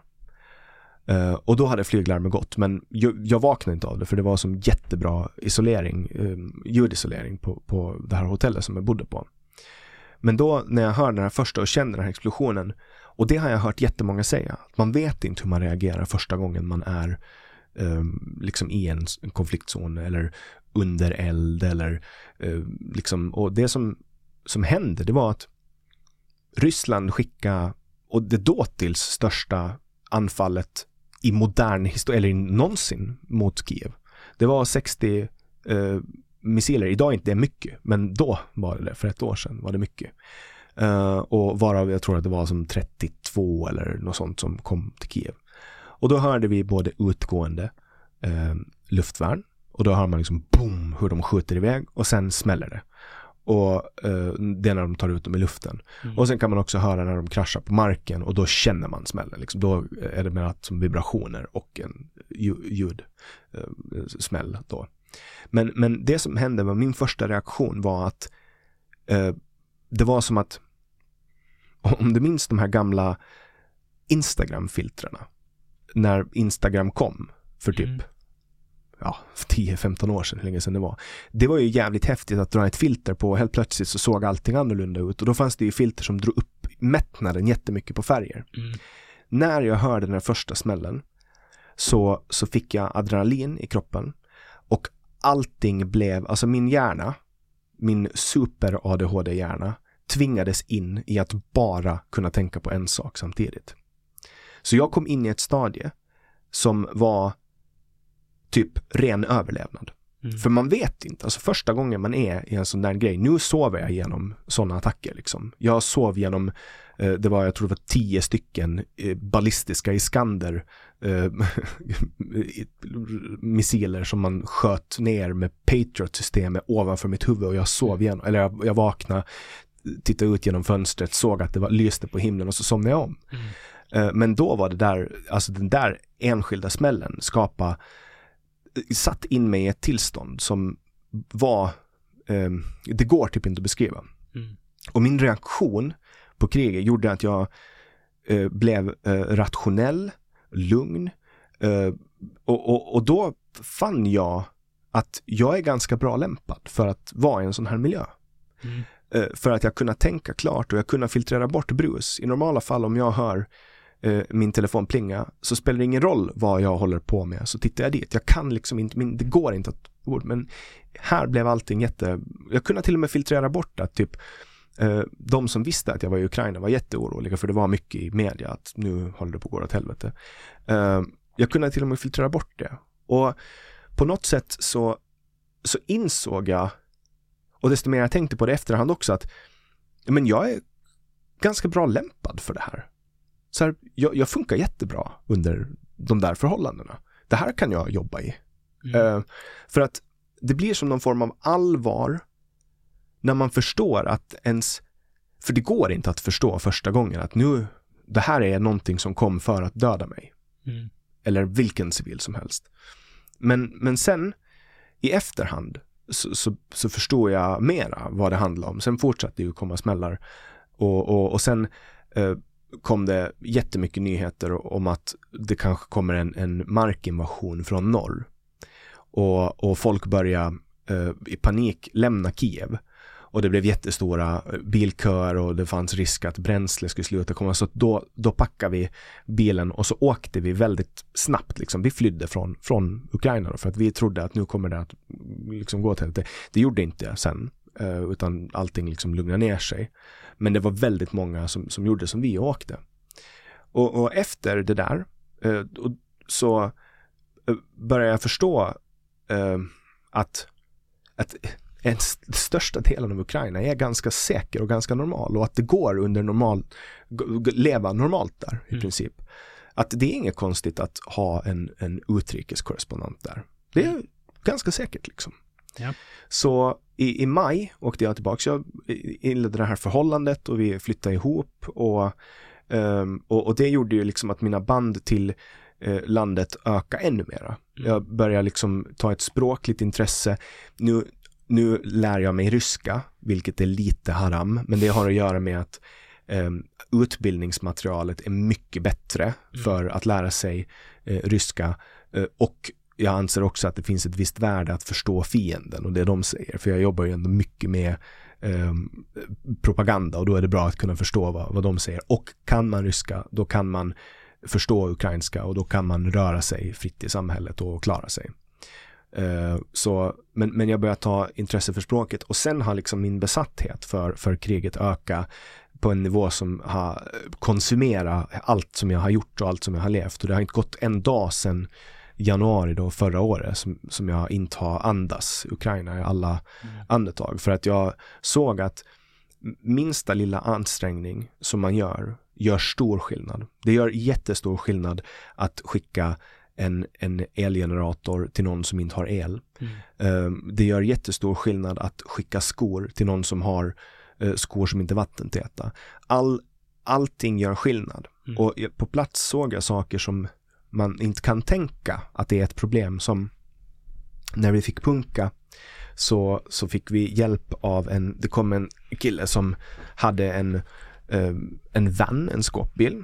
Och i den så hade han eh, liksom utrustning för att kränga däck och fixa däck på plats. Och, eh, och han gjorde det här mycket smidigt och snabbt och så satt jag med honom i bilen för vi skulle liksom betala för hela det här kalaset eh, och då sa jag till honom att jag kan åka med dig och så får brorsan köra så så fixade jag med någon, för hade, vi hade inga kontanter då. åkte in i Ukraina utan, utan att ta ut kontanter, vilket var också en sån grej som jag lärde mig. Det, det, går att swisha säkert. Ja, det, de har ju typ ett system för det, men har man en ukrainsk bank då kan man ta mm. kortnumret eh, på ett Visa eller Mastercard-kort och så kan man skicka pengar. Men det vi mm. behövde göra var att eh, vi behövde åka någonstans och ta ut kontanter. Uh, och då uh, hade han lite svårt att förklara hur vi skulle göra så han sa bara, kom här. Så satt mm. Och så satt jag och kollade på honom i bilen och tänkte så här, varför är hans hud på det här sättet? Han hade um, en, en, en, tröja så att jag såg hans armar. Mm. Och uh, om du vet när man var liten och simma hela dagarna när det var sommarlov.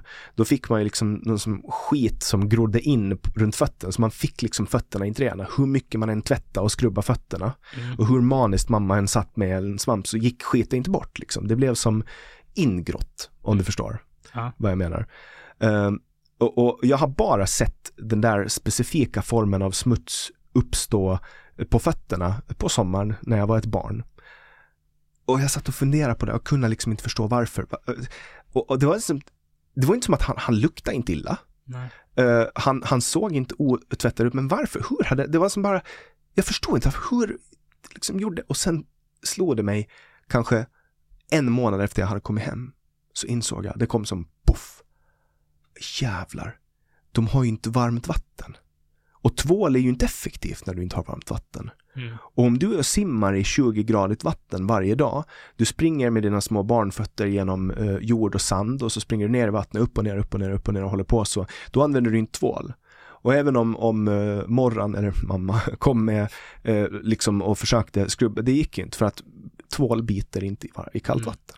Och då insåg jag, men shit, hur många människor bor det i det där landet som inte har varmt vatten? De mm. kan inte tvätta sig hur mycket de än vill så blir de inte rena. För att de har det och så kanske de kan koka vatten över öppen eld. Liksom. Men det där är ju som miljontals människor levde under de här förhållandena. Mm. En annan upplevelse som jag hade i maj, våren när jag återkom till, till eh, Ukraina så um, var det en hel rad. De första dagarna var ganska lugna och sen började liksom en, en, en hel rad av attacker med, med Shahed-drönare. Iranska eh, Shahed 136 heter de. Det är som mopedmotorer som man har stoppat på eh, en eh, platt projektil som är typ lika stor som ett skrivbord.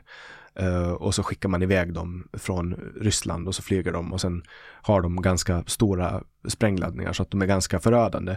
De går långsamt och man hör dem, det låter liksom moped, mopedmotorer. De går typ 200 km i timmen och så kommer det ganska många och så kraschar de och så liksom de har inget uh, de är förprogrammerade så att de är, det är som dumdrönare då. Mm. Man kan liksom inte styra dem eller målstyra dem utan de är förprogrammerade. Och då börjar det komma som Shahed-drönare på nätterna. Och varje gång de kom så, så gick larmet. Och sen var det, och det här var också som konstigt att jag av alla datum som jag befunnit mig under förra året i Kiev så var jag med om de liksom mest massiva attackerna. Första gången var jag med om den största eh, missil eh, det är skillnad på missiler och raketer men i normalt alltså, tal så, när man säger raket så menar man missil egentligen. Mm. Men, eh, det är en detaljfråga. Men första eh, stora raket slash missilattacken som har då yeah. funnits då. Och, och, den var ganska liksom, det var ganska omskakande. Andra gången, då var jag med om den största drönarattacken i världshistorien som någonsin har varit med. Och det var en en sjukt märklig upplevelse. Jag skickar en, ett kort klipp till dig från, Ja. eh, från en drönare. Du har tur med SJ, du har tur med drönare. Det, Ja, du, bara, exakt, du bara prickar allt. exakt. Och jag har alla lemmar kvar då, förutom Mm. Ja, eventuellt det, är, det är imponerande. Förutom eventuellt 90% av alla hjärnceller som krävs. Men, men så, så då finner jag mig en dag, en kväll, natt. Jag står i ett superfint hotellrum, Mm. mitt i centrala Kiev. Eh, eller vi börjar så här, jag vaknar av att jag hör, min telefon ligger och vibrerar mycket ivrigt. Och, och jag hör att flyglarmet har gått, det går väldigt lågt, men man hör det. Och så tittar jag på telefonen och så ser jag att nu, nu händer det grejer liksom. Mm. Det, det står typ ufo-varning, de kallar det för ufo-varning. Eh, och, eh, och så väckte jag min, min flickvän och så sa jag, vad, vad, vad är det som händer liksom? Så gick hon in och telegram och kollade kanalen så sa hon att ja, det, det, det är mopeder, sa hon. Eh, vi kan somna om. Och så vaknar jag av att jag hör liksom en dov smäll i liksom boom. Och så, så väckte jag henne igen och så sa jag att nu, nu har det börjat liksom. Vill du gå ner i skyddsrum? Frågade henne och då sa hon att hon ville sova vidare. Och då, för de flesta går inte ner i skyddsrum längre, inte vid den här tidpunkten. Och sen kände jag bara på mig att det är någonting som, som inte stämmer. Alltså det blinkar till liksom. Och jag bara, okej det där var, det där var konstigt. Och så ställde jag mig upp. Och, och när jag hade kommit upp på fötter, då kom smällen. Mm. Och det var, det var den första tanken jag hade. För första attacken jag var med om var under dagtid. Men min första tanke var fan, vad konstigt liksom. Men sen fattade jag ju att eh, det är ju såklart fördröjning mellan explosionen och ljuset. Ljuset kommer först, precis som när det blixtrar. Först kommer blixten och sen kommer ljudet. Och då har man ju, jag vet inte om det är sant, men de säger så här, räkna för en, en kilometer per sekund eller någonting Mm. sånt. Då kan du veta hur nära blixten slår ner. Och sen börja ett ljusskådespel på natthimlen som jag aldrig har sett. Alltså först var det som eh, strålkastare som gick. Ehm, och sen bara började det komma massa olika färger. Och det här liksom alltså utspelar sig på, på väldigt kort tid. Alltså inom fem sekunder så såg jag eh, blixtrar som blixtra. Det var som klot som gick ut och expandera och sen sögs de ihop igen. Och sen kom det röda, som, precis som laserskott såg ut i Star Wars-filmerna. Och sen eh, eh, olika, det såg ut som fyrverkerier. Mm. Och sen började så här, man hörde och sen boom, boom, boom, boom och så började det skaka. Och det där var alltså helt obeskrivlig den känslan att stå uh, i kalsonger och titta på det som man med, med huvud vet att är vapen som har skickats från Ryssland för att döda civila som jag ingår i. Uh, men det ser ut som fyrverkerier. Och jag står och tittar på de här mycket märkliga ljusskenen och kan inte förstå vad det är jag ser. Jag, jag förstår liksom inte att det här är, det är drönare, det är eh, raketer, det är luftvärnsmissiler, eh, det är liksom eh, sökljus, det är, eh, man, lägger, man behandlar kulor med någon form av fosfor eller no, någon, någon kemisk substans som gör, ja, så att man ska lysa liksom så att Mm. när de skjuter jättemånga kulor i serie ska de kunna följa eh, och så har de sökljus på, men jag hade ingen aning om vad det var jag såg. Eh, och, och sen började det där komma närmare och närmare och eh, min, min flickvän började bli orolig och hon ville gå ner i skyddsrummet. Och jag sa till henne att du kan gå ner men, men jag vill vara kvar. Vi hade så massiva betongväggar så jag kände mig ganska säker. Jag sa du kan gå ner om du vill men jag vill vara kvar här för att jag, jag vill se det här med egna ögon. Det, det, det känns viktigt för mig att, att se vad, vad, vad det är som händer. Mm. Och sen började det bara mera och mera och mera och till sist så började de liksom nå marken och då fattade jag att okej nu, nu dog nog någon. När det var som ett stort klot som bara och sen de här, alltså jag, jag ägnar konstigt märkligt mycket tid åt att fundera på den här um, skillnaden mellan ljudet och ljuset. Alltså, Mm. jag- och tänkte, för så här ser det inte alls ut på film, det är helt annorlunda. Alltså, Mm. eh, och, och tankarna, det var som att hjärnan kunde verkligen inte, inte acceptera vad det var jag såg. Men sen kom det som fick mig att alltså min, det var som att skelettet frös i is. Det går inte att beskriva på något annat sätt. Hotellet som, som jag bodde på är känt för sin mycket goda ljusisolering och att de eh, man, man kan liksom vara med om, om de här grejerna utan att det hörs. Och man hör inte flyglarm in. Vilket har både fördelar och nackdelar, men de har aldrig du, blivit du sa ljusisolering, men du menar ljudisolering? Ljud, ljud ja, precis mm. ljud. Um, när jag hör det, alltså då fattar jag liksom att okej okay, nu, mm. nu är en av de där jävlarna här. Alltså en, en moped. Mm, det som var mopedljudet du hörde. Ja. Och, och då fattar jag direkt att nu är det inte bra. För, för, för, för den där är nära. Mm. Alltså när man hör, uh, på dagtid hör man inte trafiken eller om någon tutar på gatan som är inte jättemånga meter ner. Men, men då förstår jag att nu är den här mopeden oerhört nära. Mm. Och min, den här känslan när, när, när jag vet inte vad det var som hände, men det var som att skelettet frös i is och jag bara stod där med min telefon. Och man får inte göra det, man får inte filma. Men jag stod och filmade. Och jag till och med hyscha min tjej och sa liksom att Shh, jag vill fånga det här på film. Och jag hörde mopeden och jag bara stod kvar. Och sen tar den eld. Eh, precis när den är bredvid vår byggnad. Eh, den är liksom lite ovanför men, men den är bredvid vår byggnad. Och så, så börjar den brinna och sen liksom glider den ner. Och går ner på marken eh, exploderar och dödar två personer som låg och sov. Ser, ser, du det här framför dig? Jag såg allting framför mig. Mm. Alltså, nu, nu gick den ju ner en, en, bit bort. Men det var alltså, det är inte många minuters bilfärd därifrån. Uh, så att det som hände var att de sköt på, på drönaren. Och det är meningen att man ska spränga den i luften. Det är meningen att man ska ta ut den genom att man träffar eh, spetsen som är en, en sprängladdning och då exploderar den i luften och då eh, skadar den mindre människor än om den går ner. Ja. För det är ju meningen att man ska vara i skyddsrum. Men om den ska ha exploderat där så var den så pass nära oss att den, alltså tryckvågen ska ha tryckt in alla fönster mm. i, i liksom en ganska bra radie liksom. Det är många, många fönster som, som går varje natt. Uh, och där jag stod, helt oskyddad, uh, i bara kalsonger, framför en glasruta så ska jag med största sannolikhet, det är mycket liten eh, sannolikhet att jag skulle ha, ha överlevt den attacken alternativt blivit grovt eh, liksom söndersargad. Mm. Um, för man ska vara i skyddsrum när det där händer. Det är mycket farligt att, att göra som jag gjorde.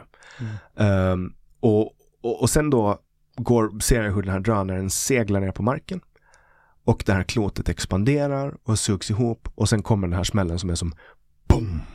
Och så skakar allting och jag känner liksom hur det slår till i bröstkorgen. Jag känner liksom fysiskt och jag bara men det var alltså, alltså jag kunde inte förstå och, och jag fortsatte, Jag bara stod kvar och filmade och, och tittade och förstod inte vad som hände.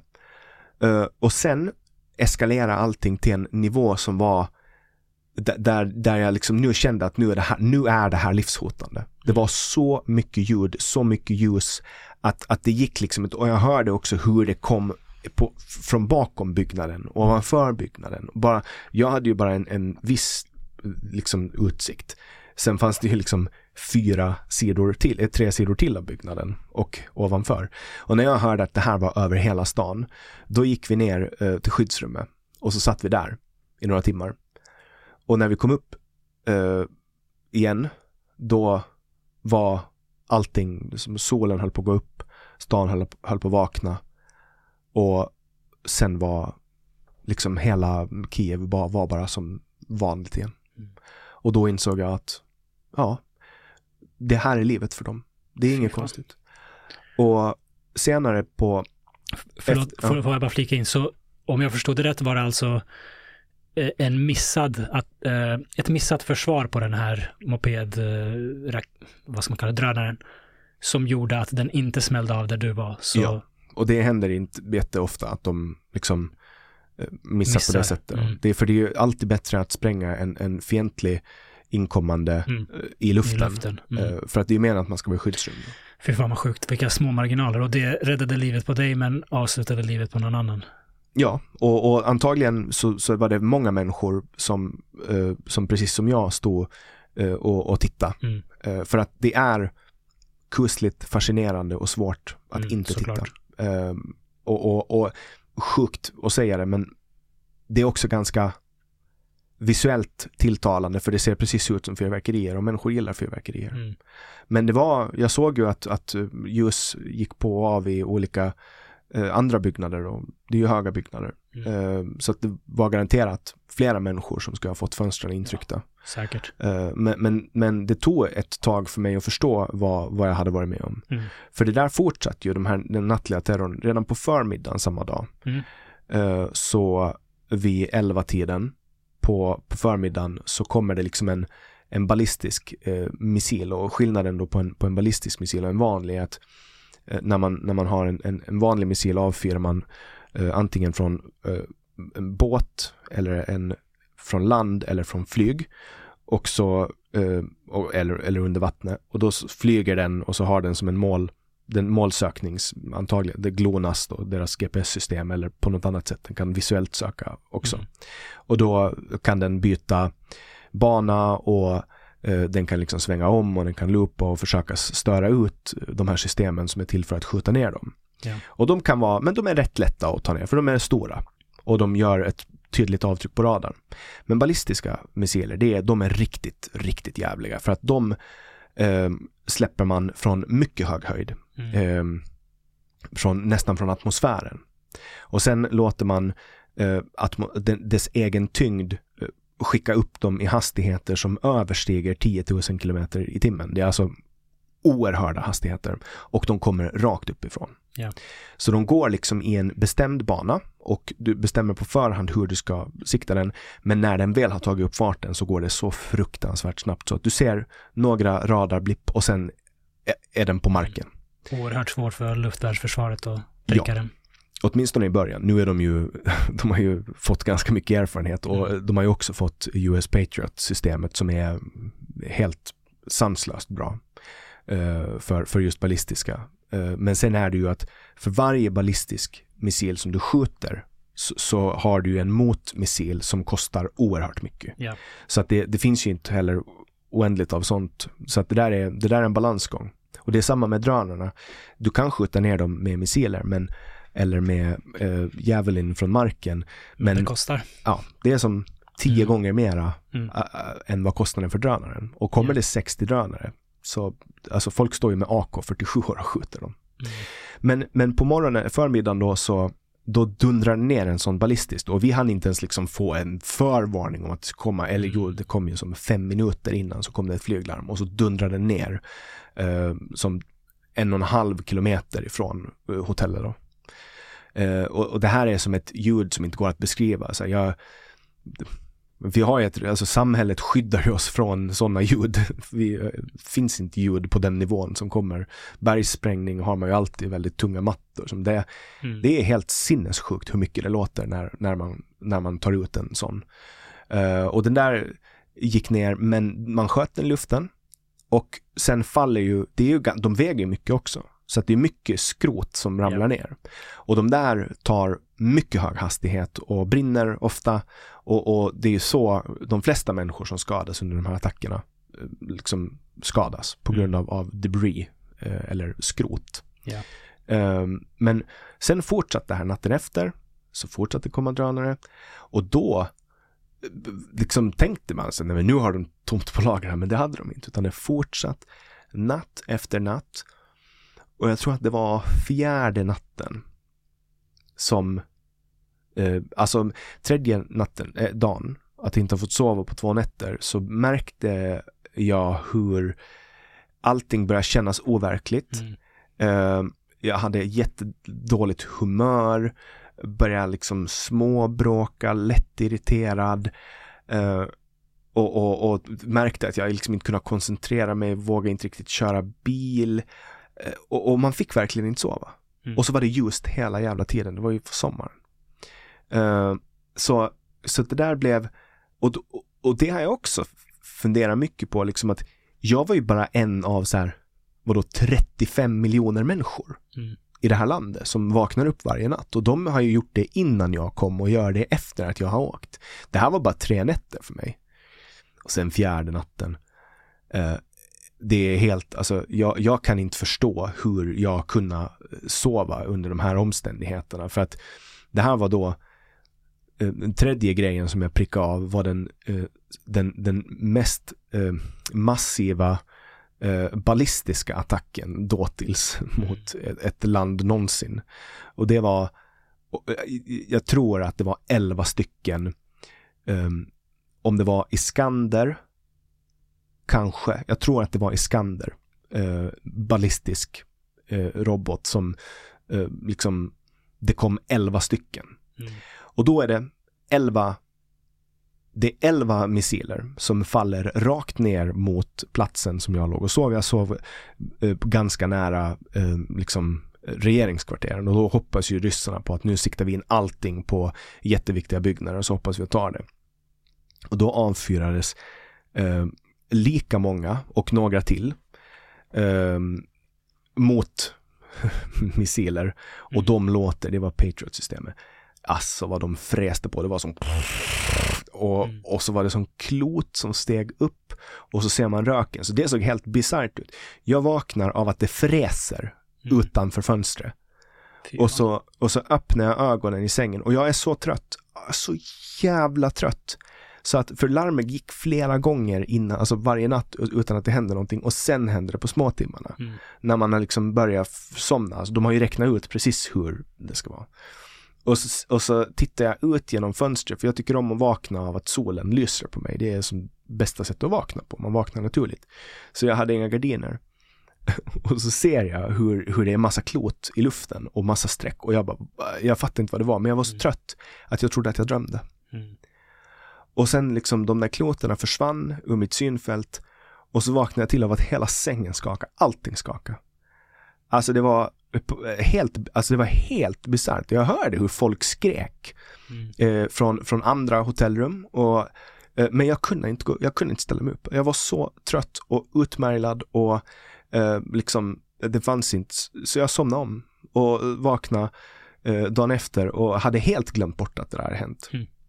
Eh, men, men då märkte man att det hade hänt, för det där var, det där var de inte vana med, Kievborna. Mm. Uh, men nu, sen dess, det där är, är maj, uh, så hade det hänt, alltså dubbelt värre attacker med både raketer, missiler, alltså kryssningsrobotar då, drönare och ballistiska. Så att de, det där har liksom bara steppats upp mera och mera. Mm. I när jag var i Odessa i, i höstas, jag kom hem för kanske en och två månader sedan. Då var jag två månader i Ukraina. Först var jag i Odessa och sen var jag lite i Kiev och lite i Lviv och, och så, men största delen Odessa. Och det är inte jättelångt ifrån eh, frontlinjen. Det är ju den här hamnstaden som, som eh, är mycket viktig för, för Ukrainas eh, spannmålsexport som Ryssland har blockerat. Och där var det där sov jag igenom de här eh, varje natt i princip. Det gick liksom inte att gå ner. Alltså går man ner till skyddsrum varje gång larmet går, då kan man lika gärna flytta ner sängen i ett skyddsrum. Eh, det blir ju att man vänjer sig till slut och bara lever sitt liv. Ja, och då var det, men det absolut värsta som, som jag har upplevt när det kommer till eh, de här attackerna, det är att ens någon man tycker om väldigt mycket är där och man själv inte är där. För när man är där, då har man någon form av kontroll. Men när min tjej åkte, hon åkte dit på sensommaren eller om det var eh, hösten, typ september, för att hälsa på sin familj. Åkte dit alltså till Odessa? Eh, ja, hon mm. åkte dit. Eh, jag kom, liksom, jag stannade kvar och, och, hon åkte, hon skulle bara åka en sväng. Liksom. Du stannade i Kiev? Eh, nej, jag stannade i Sverige. Ah, okay. Eller jag var på Åland. Mm. Eh, och sen åkte hon dit och sen skulle vi, hon skulle komma tillbaks liksom efter två veckor. Eh, och sen eh, liksom åkte hon och träffade sin läkare och som gjorde hälso... Alltså i, i Sverige är de, teorin så är ukrainska flyktingar välkomna men i praktiken så är det liksom, du får inte, du får inte ens samordning, alltså du får samordningsnummer men du får inte folkbokföra dig, du får knappt öppna bankkonto och det är liksom, det är jäkligt svårt att bara åka till vårdcentralen. Så var hon på, på ett läkarbesök och, och så konstaterade de att hon behövde stanna kvar där. Okay. Liksom. Och um, det var inte vad jag hade tänkt mig och inte vad hon hade tänkt sig. Och så en kväll då så hade de, hon var i Odessa och så skulle hon göra ett, ett, ett ingrepp där. Och jag var, kände liksom att nej, åk till Kiev eller gör det i mm. Sverige. Hon var så här, vi pratade, men sen behövde hon göra det, det blev lite, lite akut liksom. För att inte gå in för djupt på hennes eh, mm. grejer så eh, en kväll då eh, och det här var som när det var som mest bråk kring den här hamnexporten, när man hade börjat attackera, till och med civila fartyg hade mm. börjat liksom få riktigt med bonk ute på havet. Så en kväll så, så, så skjuter de um, uh, liksom riktigt, riktigt mycket drönare över Odessa och, och det är varje natt, liksom lite längre eh, nordöst så ligger, eh, ligger Nikolaev som är tar typ allt för att det ligger inom radien så att de bara skickar varje natt där. Men Odessa har haft det ganska jobbigt. Eh, men, men, den här natten så skickar de eh, Kaliber som är egentligen, jag tror att de är till för, alltså från, man skjuter dem från ubåtar för att ta ner fiendeskepp då, men de skjuter ju allt bara mot civila. De, skjuter, de skjuter inte på militära mål, ryssarna.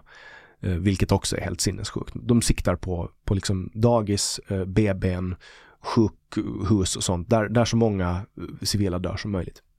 Och då är jag på telefon med tjejen och följer, liksom, man ser, eh, inte på radar, men man får uppdateringar i olika telegramkanaler, vad, vad det är som när det går larm, liksom att ja men nu har vi ett antal, eh, antagligen eh, kryssningsrobotar som är på väg och man kan liksom räkna, de räknar ut på bana och hastighet vad det är för någonting ganska snabbt och Sen åker de kanske, de åker upp med flygplan och tittar på dem eller vad de gör, men man vet vad som kommer. Mm.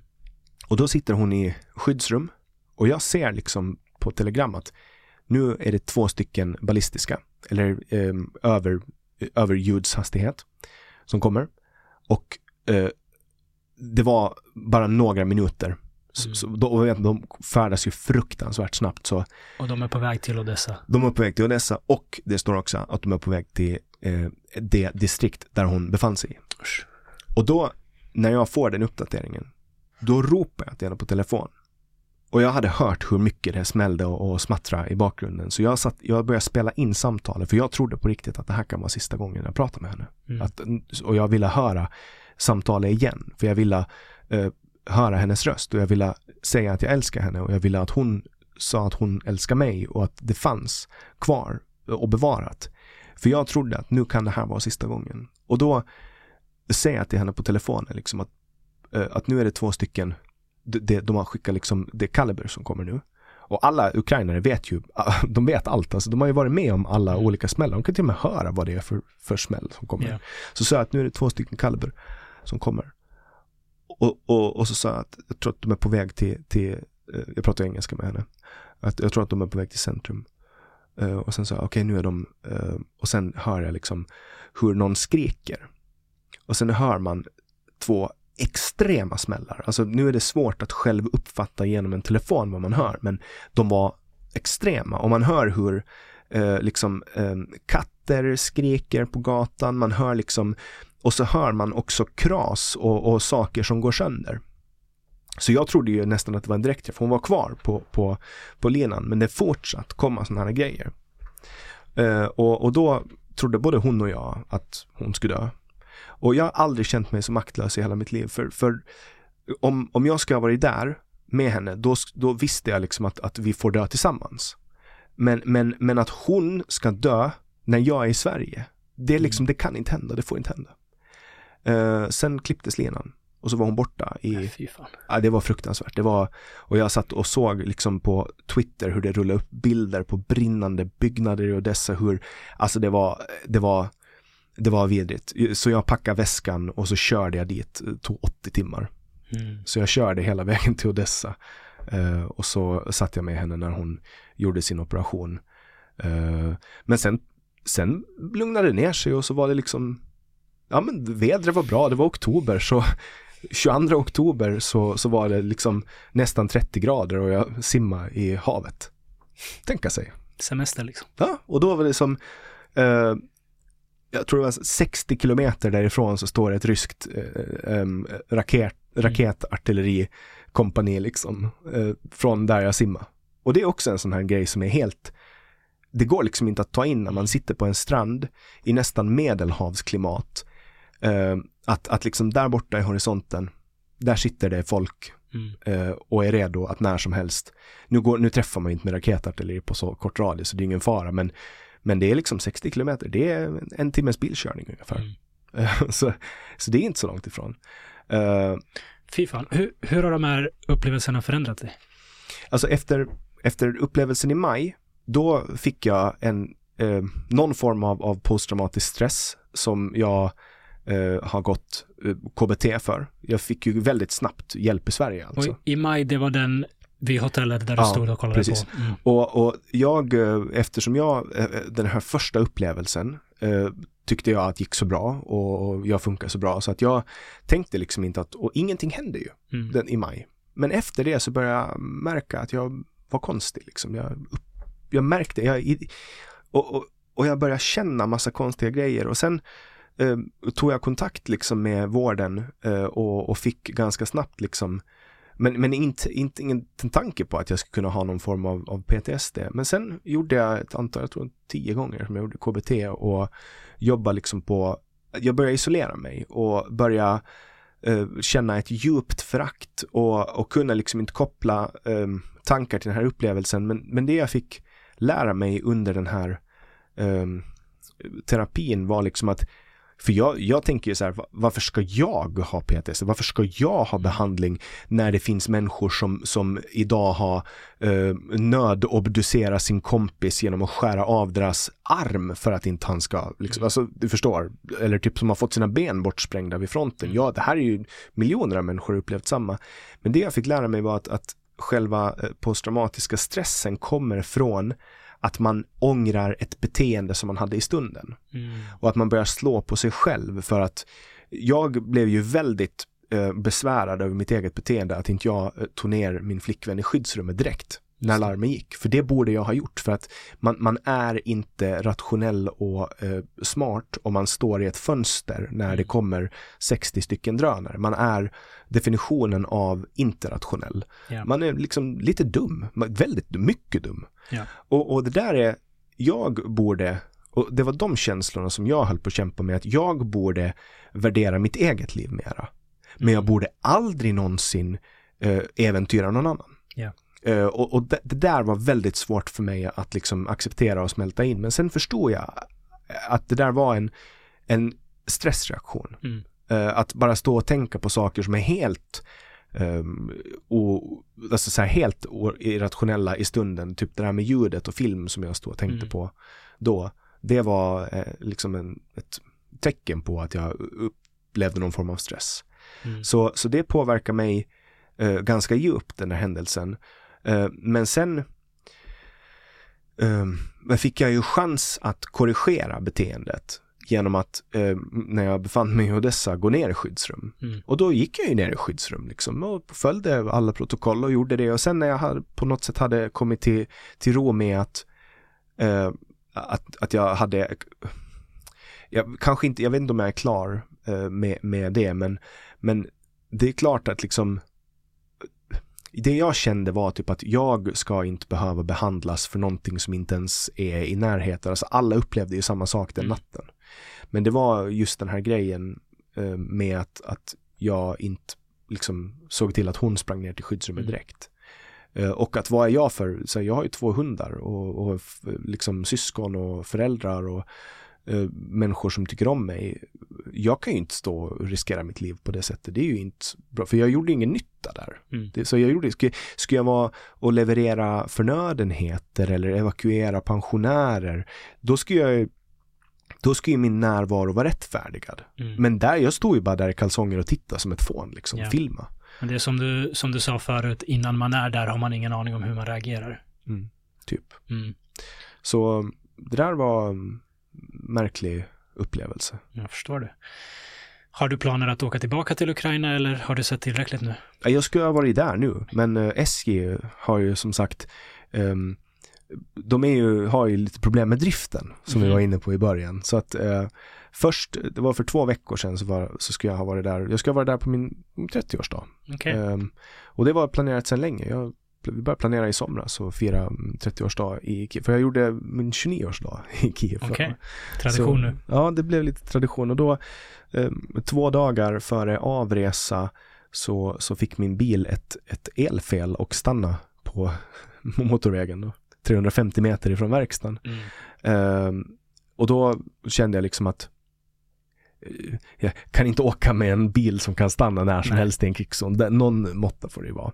Så då eh, var det meningen att jag skulle ha åkt med eh, några, några skandinaviska volontärer. Mm. Eh, och då bokade jag ett, ett tåg på SJ.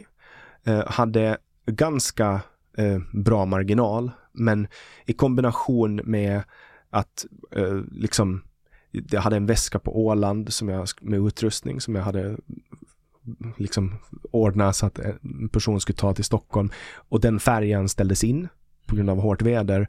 Så det blev liksom när det började komma så här bilen slutar funka, Mm. jag får inte min utrustning, tåget går inte, då kändes det som att är det värt att liksom åka till Bromma nu för att flyga ner för att ta taxi? Det var liksom att Mm. det kanske inte är meningen att jag ska vara där den här gången. Ja. Och, och dit vi var på väg är en mycket eh, farlig ort nu och det var en bara för en vecka sedan så var det en bils, en volontärbil som blev sprängd där av ryska first person view-drönare. Så att kanske, kanske det var någon Mm. slump som gjorde att jag inte fick mina armar bortsprängda. Det har ju låtit på flera av dina historier som att du har en skyddsängel som, som vaktar över dig. Man kan nästan tro det ibland. Man kan nästan tro det. Vad är tanken då? Du åker ner för att rapportera därifrån. Alltså nu håller jag på att bygga upp, ehm, alltså nu håller jag på att bygga upp ett liv där. Okej. Alltså, eh, vi har ganska länge nu varit på jakt efter en, en passande bostad. Eh, Okej, så. du, du vill flytta ner permanent? Ja, jag, ansö- jag har precis fått visa eh, Mm. för att få befinna mig där. Jag använde upp alla mina dagar. Så att nu, nu är väl tanken mer eller mindre att det är en ganska lång process att flytta till Ukraina. Och Mm. även om inte kön i konsulära ärenden är jättelång så, så är processen väldigt svår. Mm. Eh, så att det tar sin lilla tid liksom. Först ska man vara där några gånger, sen ska man ha ett tre månaders visa, sen ska man ansöka om förlängning på det visat, sen ska man ha tillfälligt uppehållstillstånd. Så att det är, det är en liten process. Det kan ju innebära att du måste ta till vapen och försvara det du har där nere. Ja, jag tror att jag gör bättre nytta om jag inte gör det. För att jag tror att, att det finns folk som är mycket bättre eh, på vapenhantering, som har längre erfarenhet, som, som sköter det bättre. Mm. Eh, jag tror att min eh, pr- primära nytta är mera att liksom koordinera eh, hjälpinsatser, donationer, hjälpa till med logistik, koppla Mm. ihop människor, rapportera. Eh, jag tror att mitt värde är eh, större där. För jag har ingen militär grundutbildning. Jag är 30 år. Jag har liksom Eh, det, jag, jag är nog ingen jättebra soldat tror jag. Så. Nej, men min uppfattning är att 30-åriga grabbar kanske ja, dras in i det i och med att det, situationen är ansträngd, att man även har fått tagit in väldigt, väldigt gamla människor för att försvara. Så är det. Men jag, jag kommer ju aldrig att, att eh, draftas. Um, alltså det är ju bara om man är med eller infödd medborgare då som man draftas in. Okej. Så, eh, och sen, det är klart att det är teoretiskt möjligt att, att ryssarna kommer så nära Kiev som de var förra Mm. gången när de var inne i Kiev. Och då fick ju folk liksom laga molotov cocktails Mm. eh, för att klara av, eh, alltså förbereda sig. Men om du, om du är redo att flytta ner dit, då antar jag att du ändå har hopp om att det här kriget kan ta slut relativt snart, eller? Ja, så vare sig kriget fortsätter eller, eller, eller tar slut så, så kommer min eh, relation till Ukraina att fortgå. Jag har en mycket djup affektion för, för landet och kulturen och folket och eh, jag tycker att en av de absolut viktigaste geopolitiska frågorna just nu är deras självständighet och Mm. jag har liksom, min plan nu är att någon gång kommer jag att skaffa barn med min tjej och då kommer eh, barnet eller barnen att, att vara halvfinska, halvukrainska. Mm. Och, och då vill jag att de ska lära sig språket. De ska eh, ha en relation till sin självständighet som alla finska medborgare har till sin självständighet. Att Mm. vi vann den med vårt anletes svett, med list och med mod. Eh, och det var David eh, mot Goliat. Mm. Och även om Finland gjorde avkall på geografisk yta så, så eh, är det fortfarande ett bra exempel på ett folk eh, som kan kämpa emot en så stor krigsmaskin som, som Ryssland faktiskt är. Ryssland är 140 miljoner, Ukraina är 40 miljoner, Finland är 10 miljoner. Mm. Eh, Finland var mycket mindre då.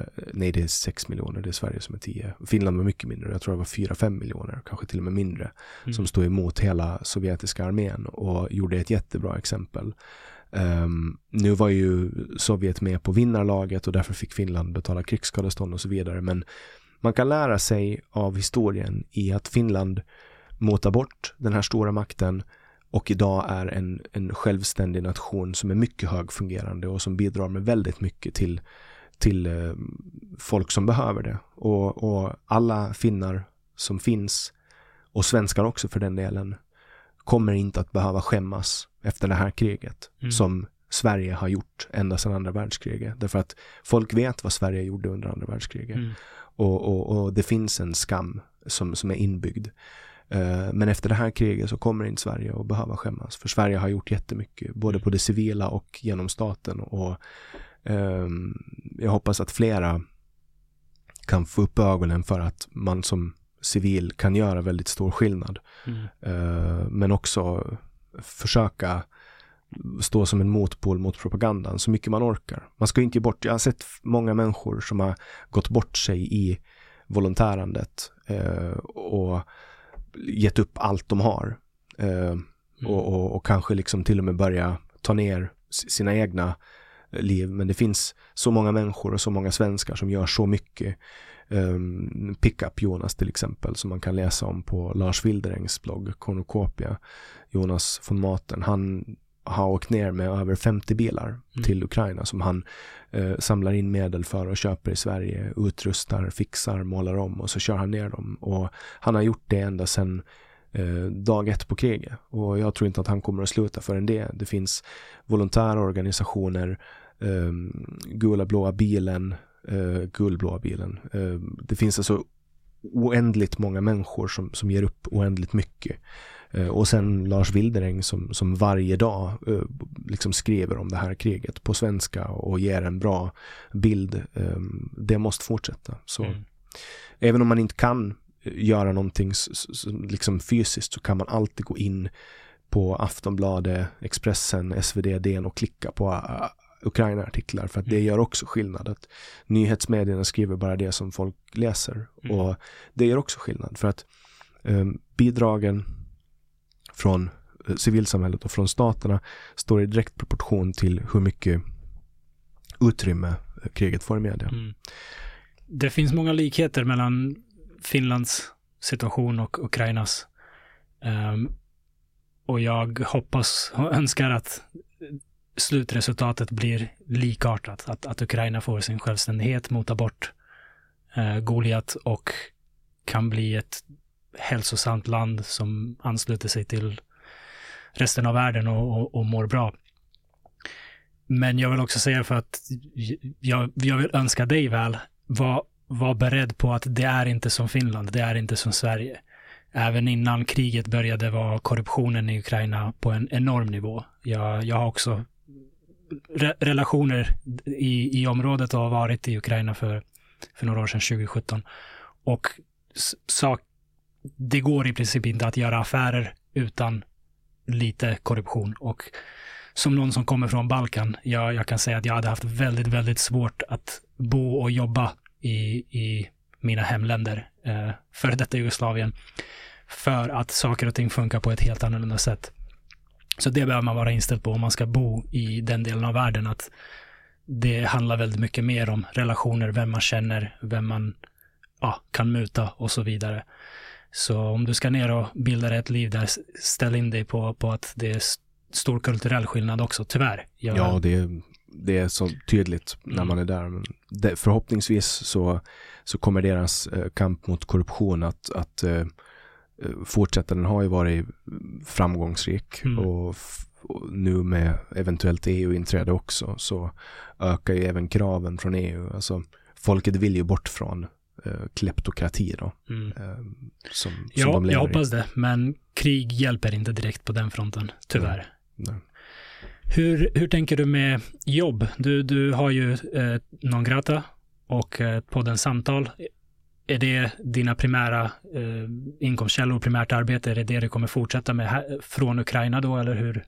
Alltså jag har ju levt största delen av mitt yrkesliv som frilansare, hoppa mm. mellan olika projekt och det har eh, mycket att göra med min personliga strävan om att kunna styra över min egen tid. Och 2017 17 eller 18 när jag hade mitt sista inom situationstecken normala jobb så beslutade jag att nu kommer jag aldrig att skaffa mig ett jobb där jag inte får ha hund med på jobbet. Mm. Så, så jag vill kunna eh, styra över min egen fritid och jag gillar att vara en fri själ som kan eh, ge mig på det som ser roligt ut att ta tag i. Så att jag har liksom gått in, jag har ju eh, företag i Finland, konsult liksom byrå, digital byrå, gör marknadsföring och, och poddar och, och sånt.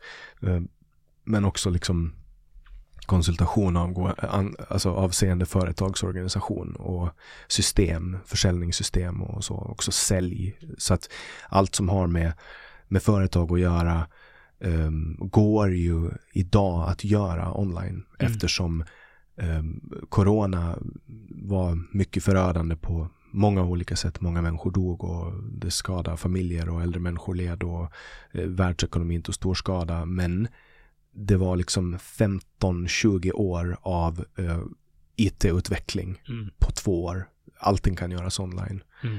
Alltså det var ju över ett och ett halvt år som jag inte spelade in en enda fysisk podd i princip. Yeah. Allting gick på nätet och, och på ett år så, så skedde sån utveckling på hur liksom voice over IP kan Eh, alltså man trodde aldrig att det, man kunde inte föreställa sig mm. att det blev så. Så att jag hoppas kunna fortsätta liksom konsulta eh, inom det jag gör eh, och har gjort de senaste åren mm. eh, helt digitalt. Mm. Jag tror att det är någon form av, alltså innan det är dags att börja slå rot och bygga hus och skaffa barn så finns det en tid som ska vara äventyr och man ska lära sig och man ska hitta sitt kall och jag tror att jag är där nu. Och du vet, mm. vi män pikar ju mellan 30 och 40. Det är då mm. vi bygger upp grunden för hela vårt liv. De första 20 åren så är vi ensamma, utstötta och sitter ensamma hemma framför datorn. Och sen har vi 10 år där vi går ut och gör alla misstag vi ska. Och sen har vi mellan 30 och 40 där vi bygger upp framtiden. Och sen vid 40 så kan vi bli familjepappor. Och då vill man kunna eh, titta tillbaks på det man har gjort under de här tio åren, för tio år går snabbt. Mm. Alltså jag har minnen från tio år som känns som två år sedan. Mm. Men jag vill kunna titta tillbaks och veta att, att jag ägnar min tid eh, åt att göra någonting bra. Att istället för att kanske jobba på en reklambyrå i Stockholm där jag gör extremt framgångsrika företag mer mm. framgångsrika eh, och det tjänar bara ägarna så, så känns det bättre att jobba med eh, projekt som bygger hus eller vägar. Eh, eller kanske logistik till företag som bygger hus eller vägar i mm. Ukraina mm. som är ett land som behöver all hjälp de kan få. Yeah. Uh, och, kanske använda mina um, kunskaper till att göra det där och leva på det mm. än att leva i Sverige där man ändå bara blir sönderskattad. Mm. Du är en eh, fascinerande person. Du har levt ett fascinerande liv och jag är extremt tacksam över att du ville sitta och prata med, med mig ikväll och berätta om alla de här upplevelserna. Tack. Vi har ju kommit in på typ bara 5% av allting. Som, ja, det, jag, jag har inget tvivel om att vi skulle kunna sitta här i många, många timmar till. Ja, vi skulle kunna, uh, vi skulle kunna um, alltså livestreama 24 timmar och ha en sån här diskussion utan att stoppa. Vi, vi kanske Det- borde göra det. Det vet tror ju, jag faktiskt. Ra, radiohjälpen, de gör ju det. De, Ja. Det är en av mina drömmar, låsa in mig i en bur och bara göra content i ett dygn i sträck utan att sova. Ja, det vore intressant. Jag vet inte om jag skulle klara av ett dygn, men jag kan haka på på några av timmarna i alla fall. Ja, jag, är, jag är up for it om du vill så kör vi 24 timmar livestream och bara eh, alla donationer vi får donerar vi till Ukraina. Vi kan snacka om det. Det är om radiohjälpen. Jag, är- jag, jag är öppen för idén i alla fall. Om folk vill stötta ditt arbete, eh, kolla in det du gör, va- vart skulle du vilja skicka lyssnarna? Ehm, man kan ju alltid kolla in min podcast, eh, Samtal. Eh, och den hittar man på Spotify, så sök på mitt namn, Jannik Svensson. Eh, och Samtal, så hittar ni den. Och om ni vill stötta någon eller någonting, eh, skicka pengar till eh, Jonas von Maten. Ni kan gå in på cornucopia.se. Lars Wildering har alltid länkar till hans um, blogg, uh, eller till hans, eh, på sin blogg har länkar till Jonas. Han gör ett livsviktigt arbete och jag har eh, min största respekt för honom. Liksom. Han tar sig väldigt nära. Um, jag uh, skriver, nu har jag inte publicerat jättemycket. Jag har gett ut Kenneth Greggs bok. Den finns att köpa på Adlibris och alla stora nätbokhandlar. Den heter Uppdateringar från Ukraina. Så den har jag redigerat och gett ut då. Eh, och sen eh, har jag väl någon form av tanke att mm, komma igång med podden igen. Men det är så mycket annat som har varit. Men eh, det är väl typ där. Det är Facebook är väl bästa sättet. Man kan ju right. följa folk där också. Eller bara skicka en vänförfrågan om man tycker någonting är spännande. All right. Jag slänger in länkar till allt du nämnde i beskrivningen så kan folk kolla in det. Tack så jättemycket Jannik. Tack själv. Och tack till dig som har lyssnat. Vi hörs nästa gång. Ha det fint.